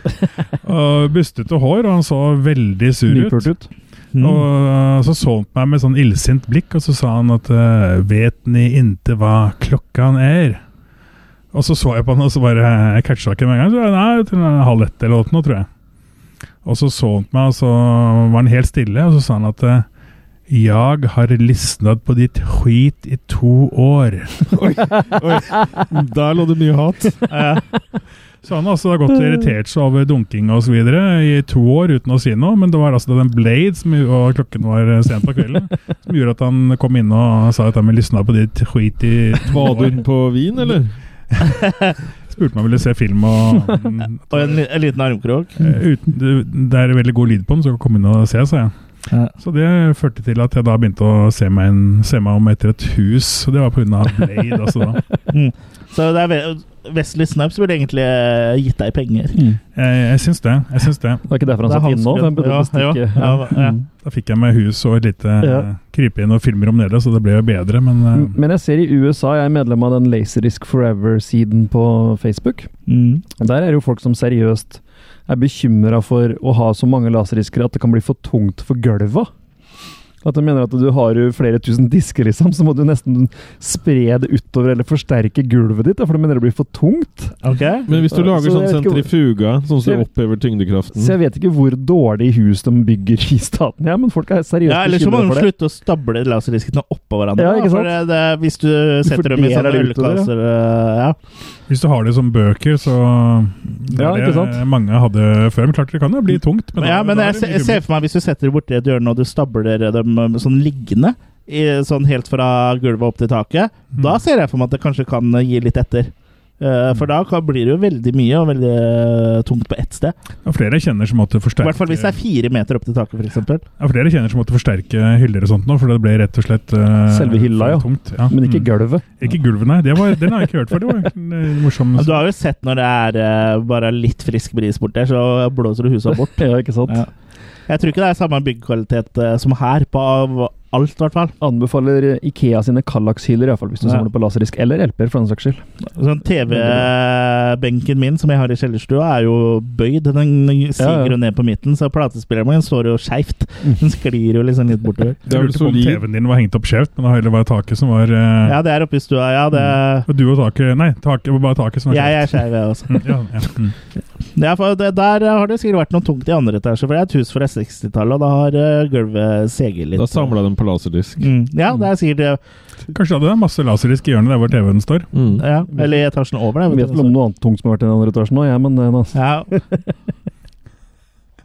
ja, det må ha vært de som har bodd der før, da. da. For det her er jo inne i skapet på barnerommet, der har ikke jeg vært så mye. Tja Men uh, André sov jo på barnerommet i natt, så nå har det seget enda mer. sånn det nei, nei, nå har det seget enda mer. Men ja. Eh, vi må får nesten ta avslutte her, eh, tenker jeg. Men eh, er Det har vært hyggelig. Brenner vi innom uh, noe mer uh, Jeg hadde et spørsmål på tampen. Ok. Når, ble det, når ble det aller sist gitt ut noe på laserdisk? Vi, ja. 2001. 2001, ja. Japan. Var det Ro- Romodyssé? Jeg husker ikke hvem film det var, men det var, ja, det var Åh. Bare psj. Det, var, det, det er ikke så lenge siden jeg så hvilken uh, film eh, det var, egentlig. Men den første som ble gitt ut, var vel uh, Jafs, det Jafs, sa du i ja. stad. Eller Jaws. Og de siste det, Japan holdt de på litt lenger enn i USA. Og USA var vel 99 eller 2000, og så holdt de vel på 2001 i Japan. Så igjen, de siste i USA var jo veldig sånn samleobjekt. Altså som, det er egentlig mye drittfilmer, egentlig. Så, eller ikke drittfilmer, men sånn som siste- Matrix og sånn, så er det jo ikke noe spesiell film. Den Men folk gir jo som, masse, mange hundre kroner for dem, liksom. Den det- siste som ble gitt ut i Nord-Amerika, var Paramounts 'Bringing Out the Dead' i 2000. Ja, riktig. Mm. Og den siste japanske releasen står det ikke noe årstall på, men det var Hongkong-filmen 'Tokyo Raiders from the Golden Harvest'. Mm. Men man kan ikke bestille noe i dag og få det på laserdisk, liksom? Nei. Nei. Det er ikke- finnes ikke noen som de, Det er ingen som, presser, ingen som presser opp. Og det er dyrt. Laserdiskbrenner? ja. Ja. Du må bare Det ja, det, fins, det fins laserdiskbrennere. Gjør det? Ja, ja. Mm, Det er nok veldig dyrt. Ja. Eh, så jeg tror heller du kan nå finne opp en sånn slags laserdisk emulering på datamaskinen enn å programmere det. det er, jeg tror det er lettere. Nei, jeg tenkte på Hvis Lars-Erik Lie ville ha noe på laser, så kunne hun lagt over filmene på det. Mm. Jeg Ja. hadde jo en del sånn Jeg hadde jo Da ringer du Lars-Erik litt i Jørgen uh, Kols Jacobsen. Jeg hadde proff proff laserdisk-spiller selv, men ikke noen som man kunne ta av på. De proffspillerne var fine, de. Eller proffspillerne de så jo egentlig veldig kjedelige og stygge ut, men de, de var veldig bra De var bra bygget. Mm. Tunge. Tunge, ja. Mm. Du er også bra bygd, André. Eh, ta, takk for at du uh, tok deg turen til oss. Tusen takk for at Jeg du fikk lov til å komme. Dette er- var jo som å komme til Graceland, dette her. Ja. Eh, Og du har vært i ditt eh, andre Graceland, som er Kiss eh, Cruise. Det var som vi om tidligere. Mm. Jeg håper jeg får dratt på det igjen, men det spørs meg her råd. Ja, Mm. ja det Du får hore deg ut som du pleier. Ja. Det var vel 500 000 du skulle, skulle ha for å være med her, var det ikke? Nei, nei det var motsatt. Det var vi som skulle ha 500 000. Ja, sånn var det. Kan du ikke starte sånn kickstarter-prosjekt, André? Ja. Ja, Få. André eh, på Kiss Kiss Cruise. Cruise. Mm. Apropos Kickstarter nå, så Jeg har ikke sett den, for den ble lansert i natt, tror jeg. Så har det kommet en trailer til en uh, ny film som heter Warhees. Mm. Å, Og den eh, Kommentarene på Facebook-videoen var veldig positive. Alle sa at det så bra ut. Jeg støttet den selv på Er- Kickstarter. Er det sånn fan, eh, fredag 13.-film? Det Stemmer. Mm. Og den, eh, den gleder jeg meg veldig til. Men får de lagd den uten at Paramount rasler med sablene sine? Eller New Line er det vel som eier eh, Jeg tror det, jeg tror det er New Line, ja. jo Ja, det er New Line. det skjedde jo under uh, Jason Goes to Hell, og derfor han eh, eh, Freddy kommer opp og tar eh, masken til uh, Ja. Jason. Mm. Ja, Freddy Goes to Hell var den første uh, Universal Nei, Universal, sier jeg. eh, Første New Line Jason Goes to Hell. Jason-filmen. da. Mm. Fredag 13. Da er det hånden til Freddy som kommer opp. Og den hånden, han som styrer hånden der, det er jo den godeste Kane Hodder. Mm. Så han har spilt da både Jason og, og Freddy. Ja. Har du støpt hånda til Kane Hodder, eller? Som bare står opp uh... Som, Ja, han del, bruker, som han eh, bruker til å fiste seg sjøl med. Jeg har en del signerte ting, men dessverre ikke hånden hans. Nei. Men hvis du hadde møtt Kane Hodder og kunne fått den til å signere penisen din, og så fått tatovert den Jeg tenkte på det, men hadde bare fått plass til KH, så hadde det blitt Initialene bare i veldig i små bokstaver. ja, Ja. small letters. Uh, sånn som jeg har på plass i Kane Hodder was here and he liked uh, it. Altså filmen. ja. ja, det er vel eh, kanskje ikke så mye annet å si enn å si takk for at du hørte på. Og så må du ikke glemme da, kjære lytter, at vi har eh, en Facebook-side og et community tilknytta det som heter Losers Club, hvor du da har mulighet til å bidra med innhold eh, til uh, premiumpodkasten vår. Så du kan også få tilgang til innhold som ikke blir publisert andre steder. Og så kan du være med og diskutere filmer da, med likesinnede.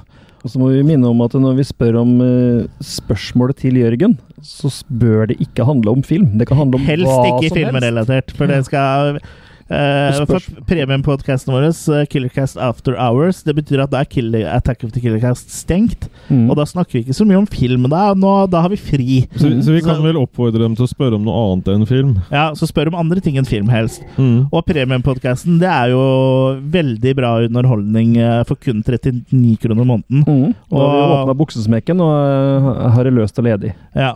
Og du er jo en er premium-subscriber, uh, André, så jeg vet ikke om du kan gå god for, eller uh, Du føler jeg kanskje litt pressa til å si at det er bra nå, men eh, eh, hvis du sier at det er bra, så fjerner jeg pistolen. Jeg syns det er eh, morsomt. Det er gøy å høre på dere snakke om andre ting om film også. Men som jeg sa i stad, så 39 kroner i måneden for å sponse dere litt med dette andre greiene her, sånn, så det er, det er li, lite, det er lite penger. Det er i hvert fall viktig bidrag til et imperium i Ja. vekst. Det er ikke bare Imperium som vokser her, for å si det sånn. Jeg har jo fått uh, her to bokser med gratis brus. Jeg føler at jeg har fått mye igjen for de pengene. Ja, og så tenker jeg Alle får jo to bokser brus. Ja, også, også en del av pengene går jo til da prevensjon til meg, så vi slipper flere av meg. ja. Jeg, jeg gleder meg veldig. Det var sånn at de som betalte for ett Men ikke år gi oss så mye penger at eh, Jørgen eh, kan kjøpe noen som er villig til å ligge med han. Så det er sånn gyllen uh, mellomvei her. De som betalte for et år, eller hva det var for noe, da skulle man få en sånn T-skjorte. Den gleder jeg meg veldig til. Ja, den kan jeg love deg at den kommer eh, om ikke så lenge. Chris driver og syr og hekler den nå. Kommer i T-skjorten. Ja. Kommer i T-skjorten. Ja, men det, da uh, er, eh, er det vel ingen som har noe mer eh, på hjertet, eller? Er vi good? eh, Er, Bare ulyd, Ja. ikke noe annet. Bilyd? Ja, bilyd på hjertet, så det Ja, det, Sånn det er det bare. Og du har litt sånn tøffe arr òg på brystkassa di. Det kan du vise til andre etterpå. Ja. Men eh, Vise ja takk for at dere hørte på. Håper at dere kosa dere med litt sånn laserdiskprat. Det gjorde i hvert fall Mm. vi. Takk for at dere kom komme. Ha det bra! Hei.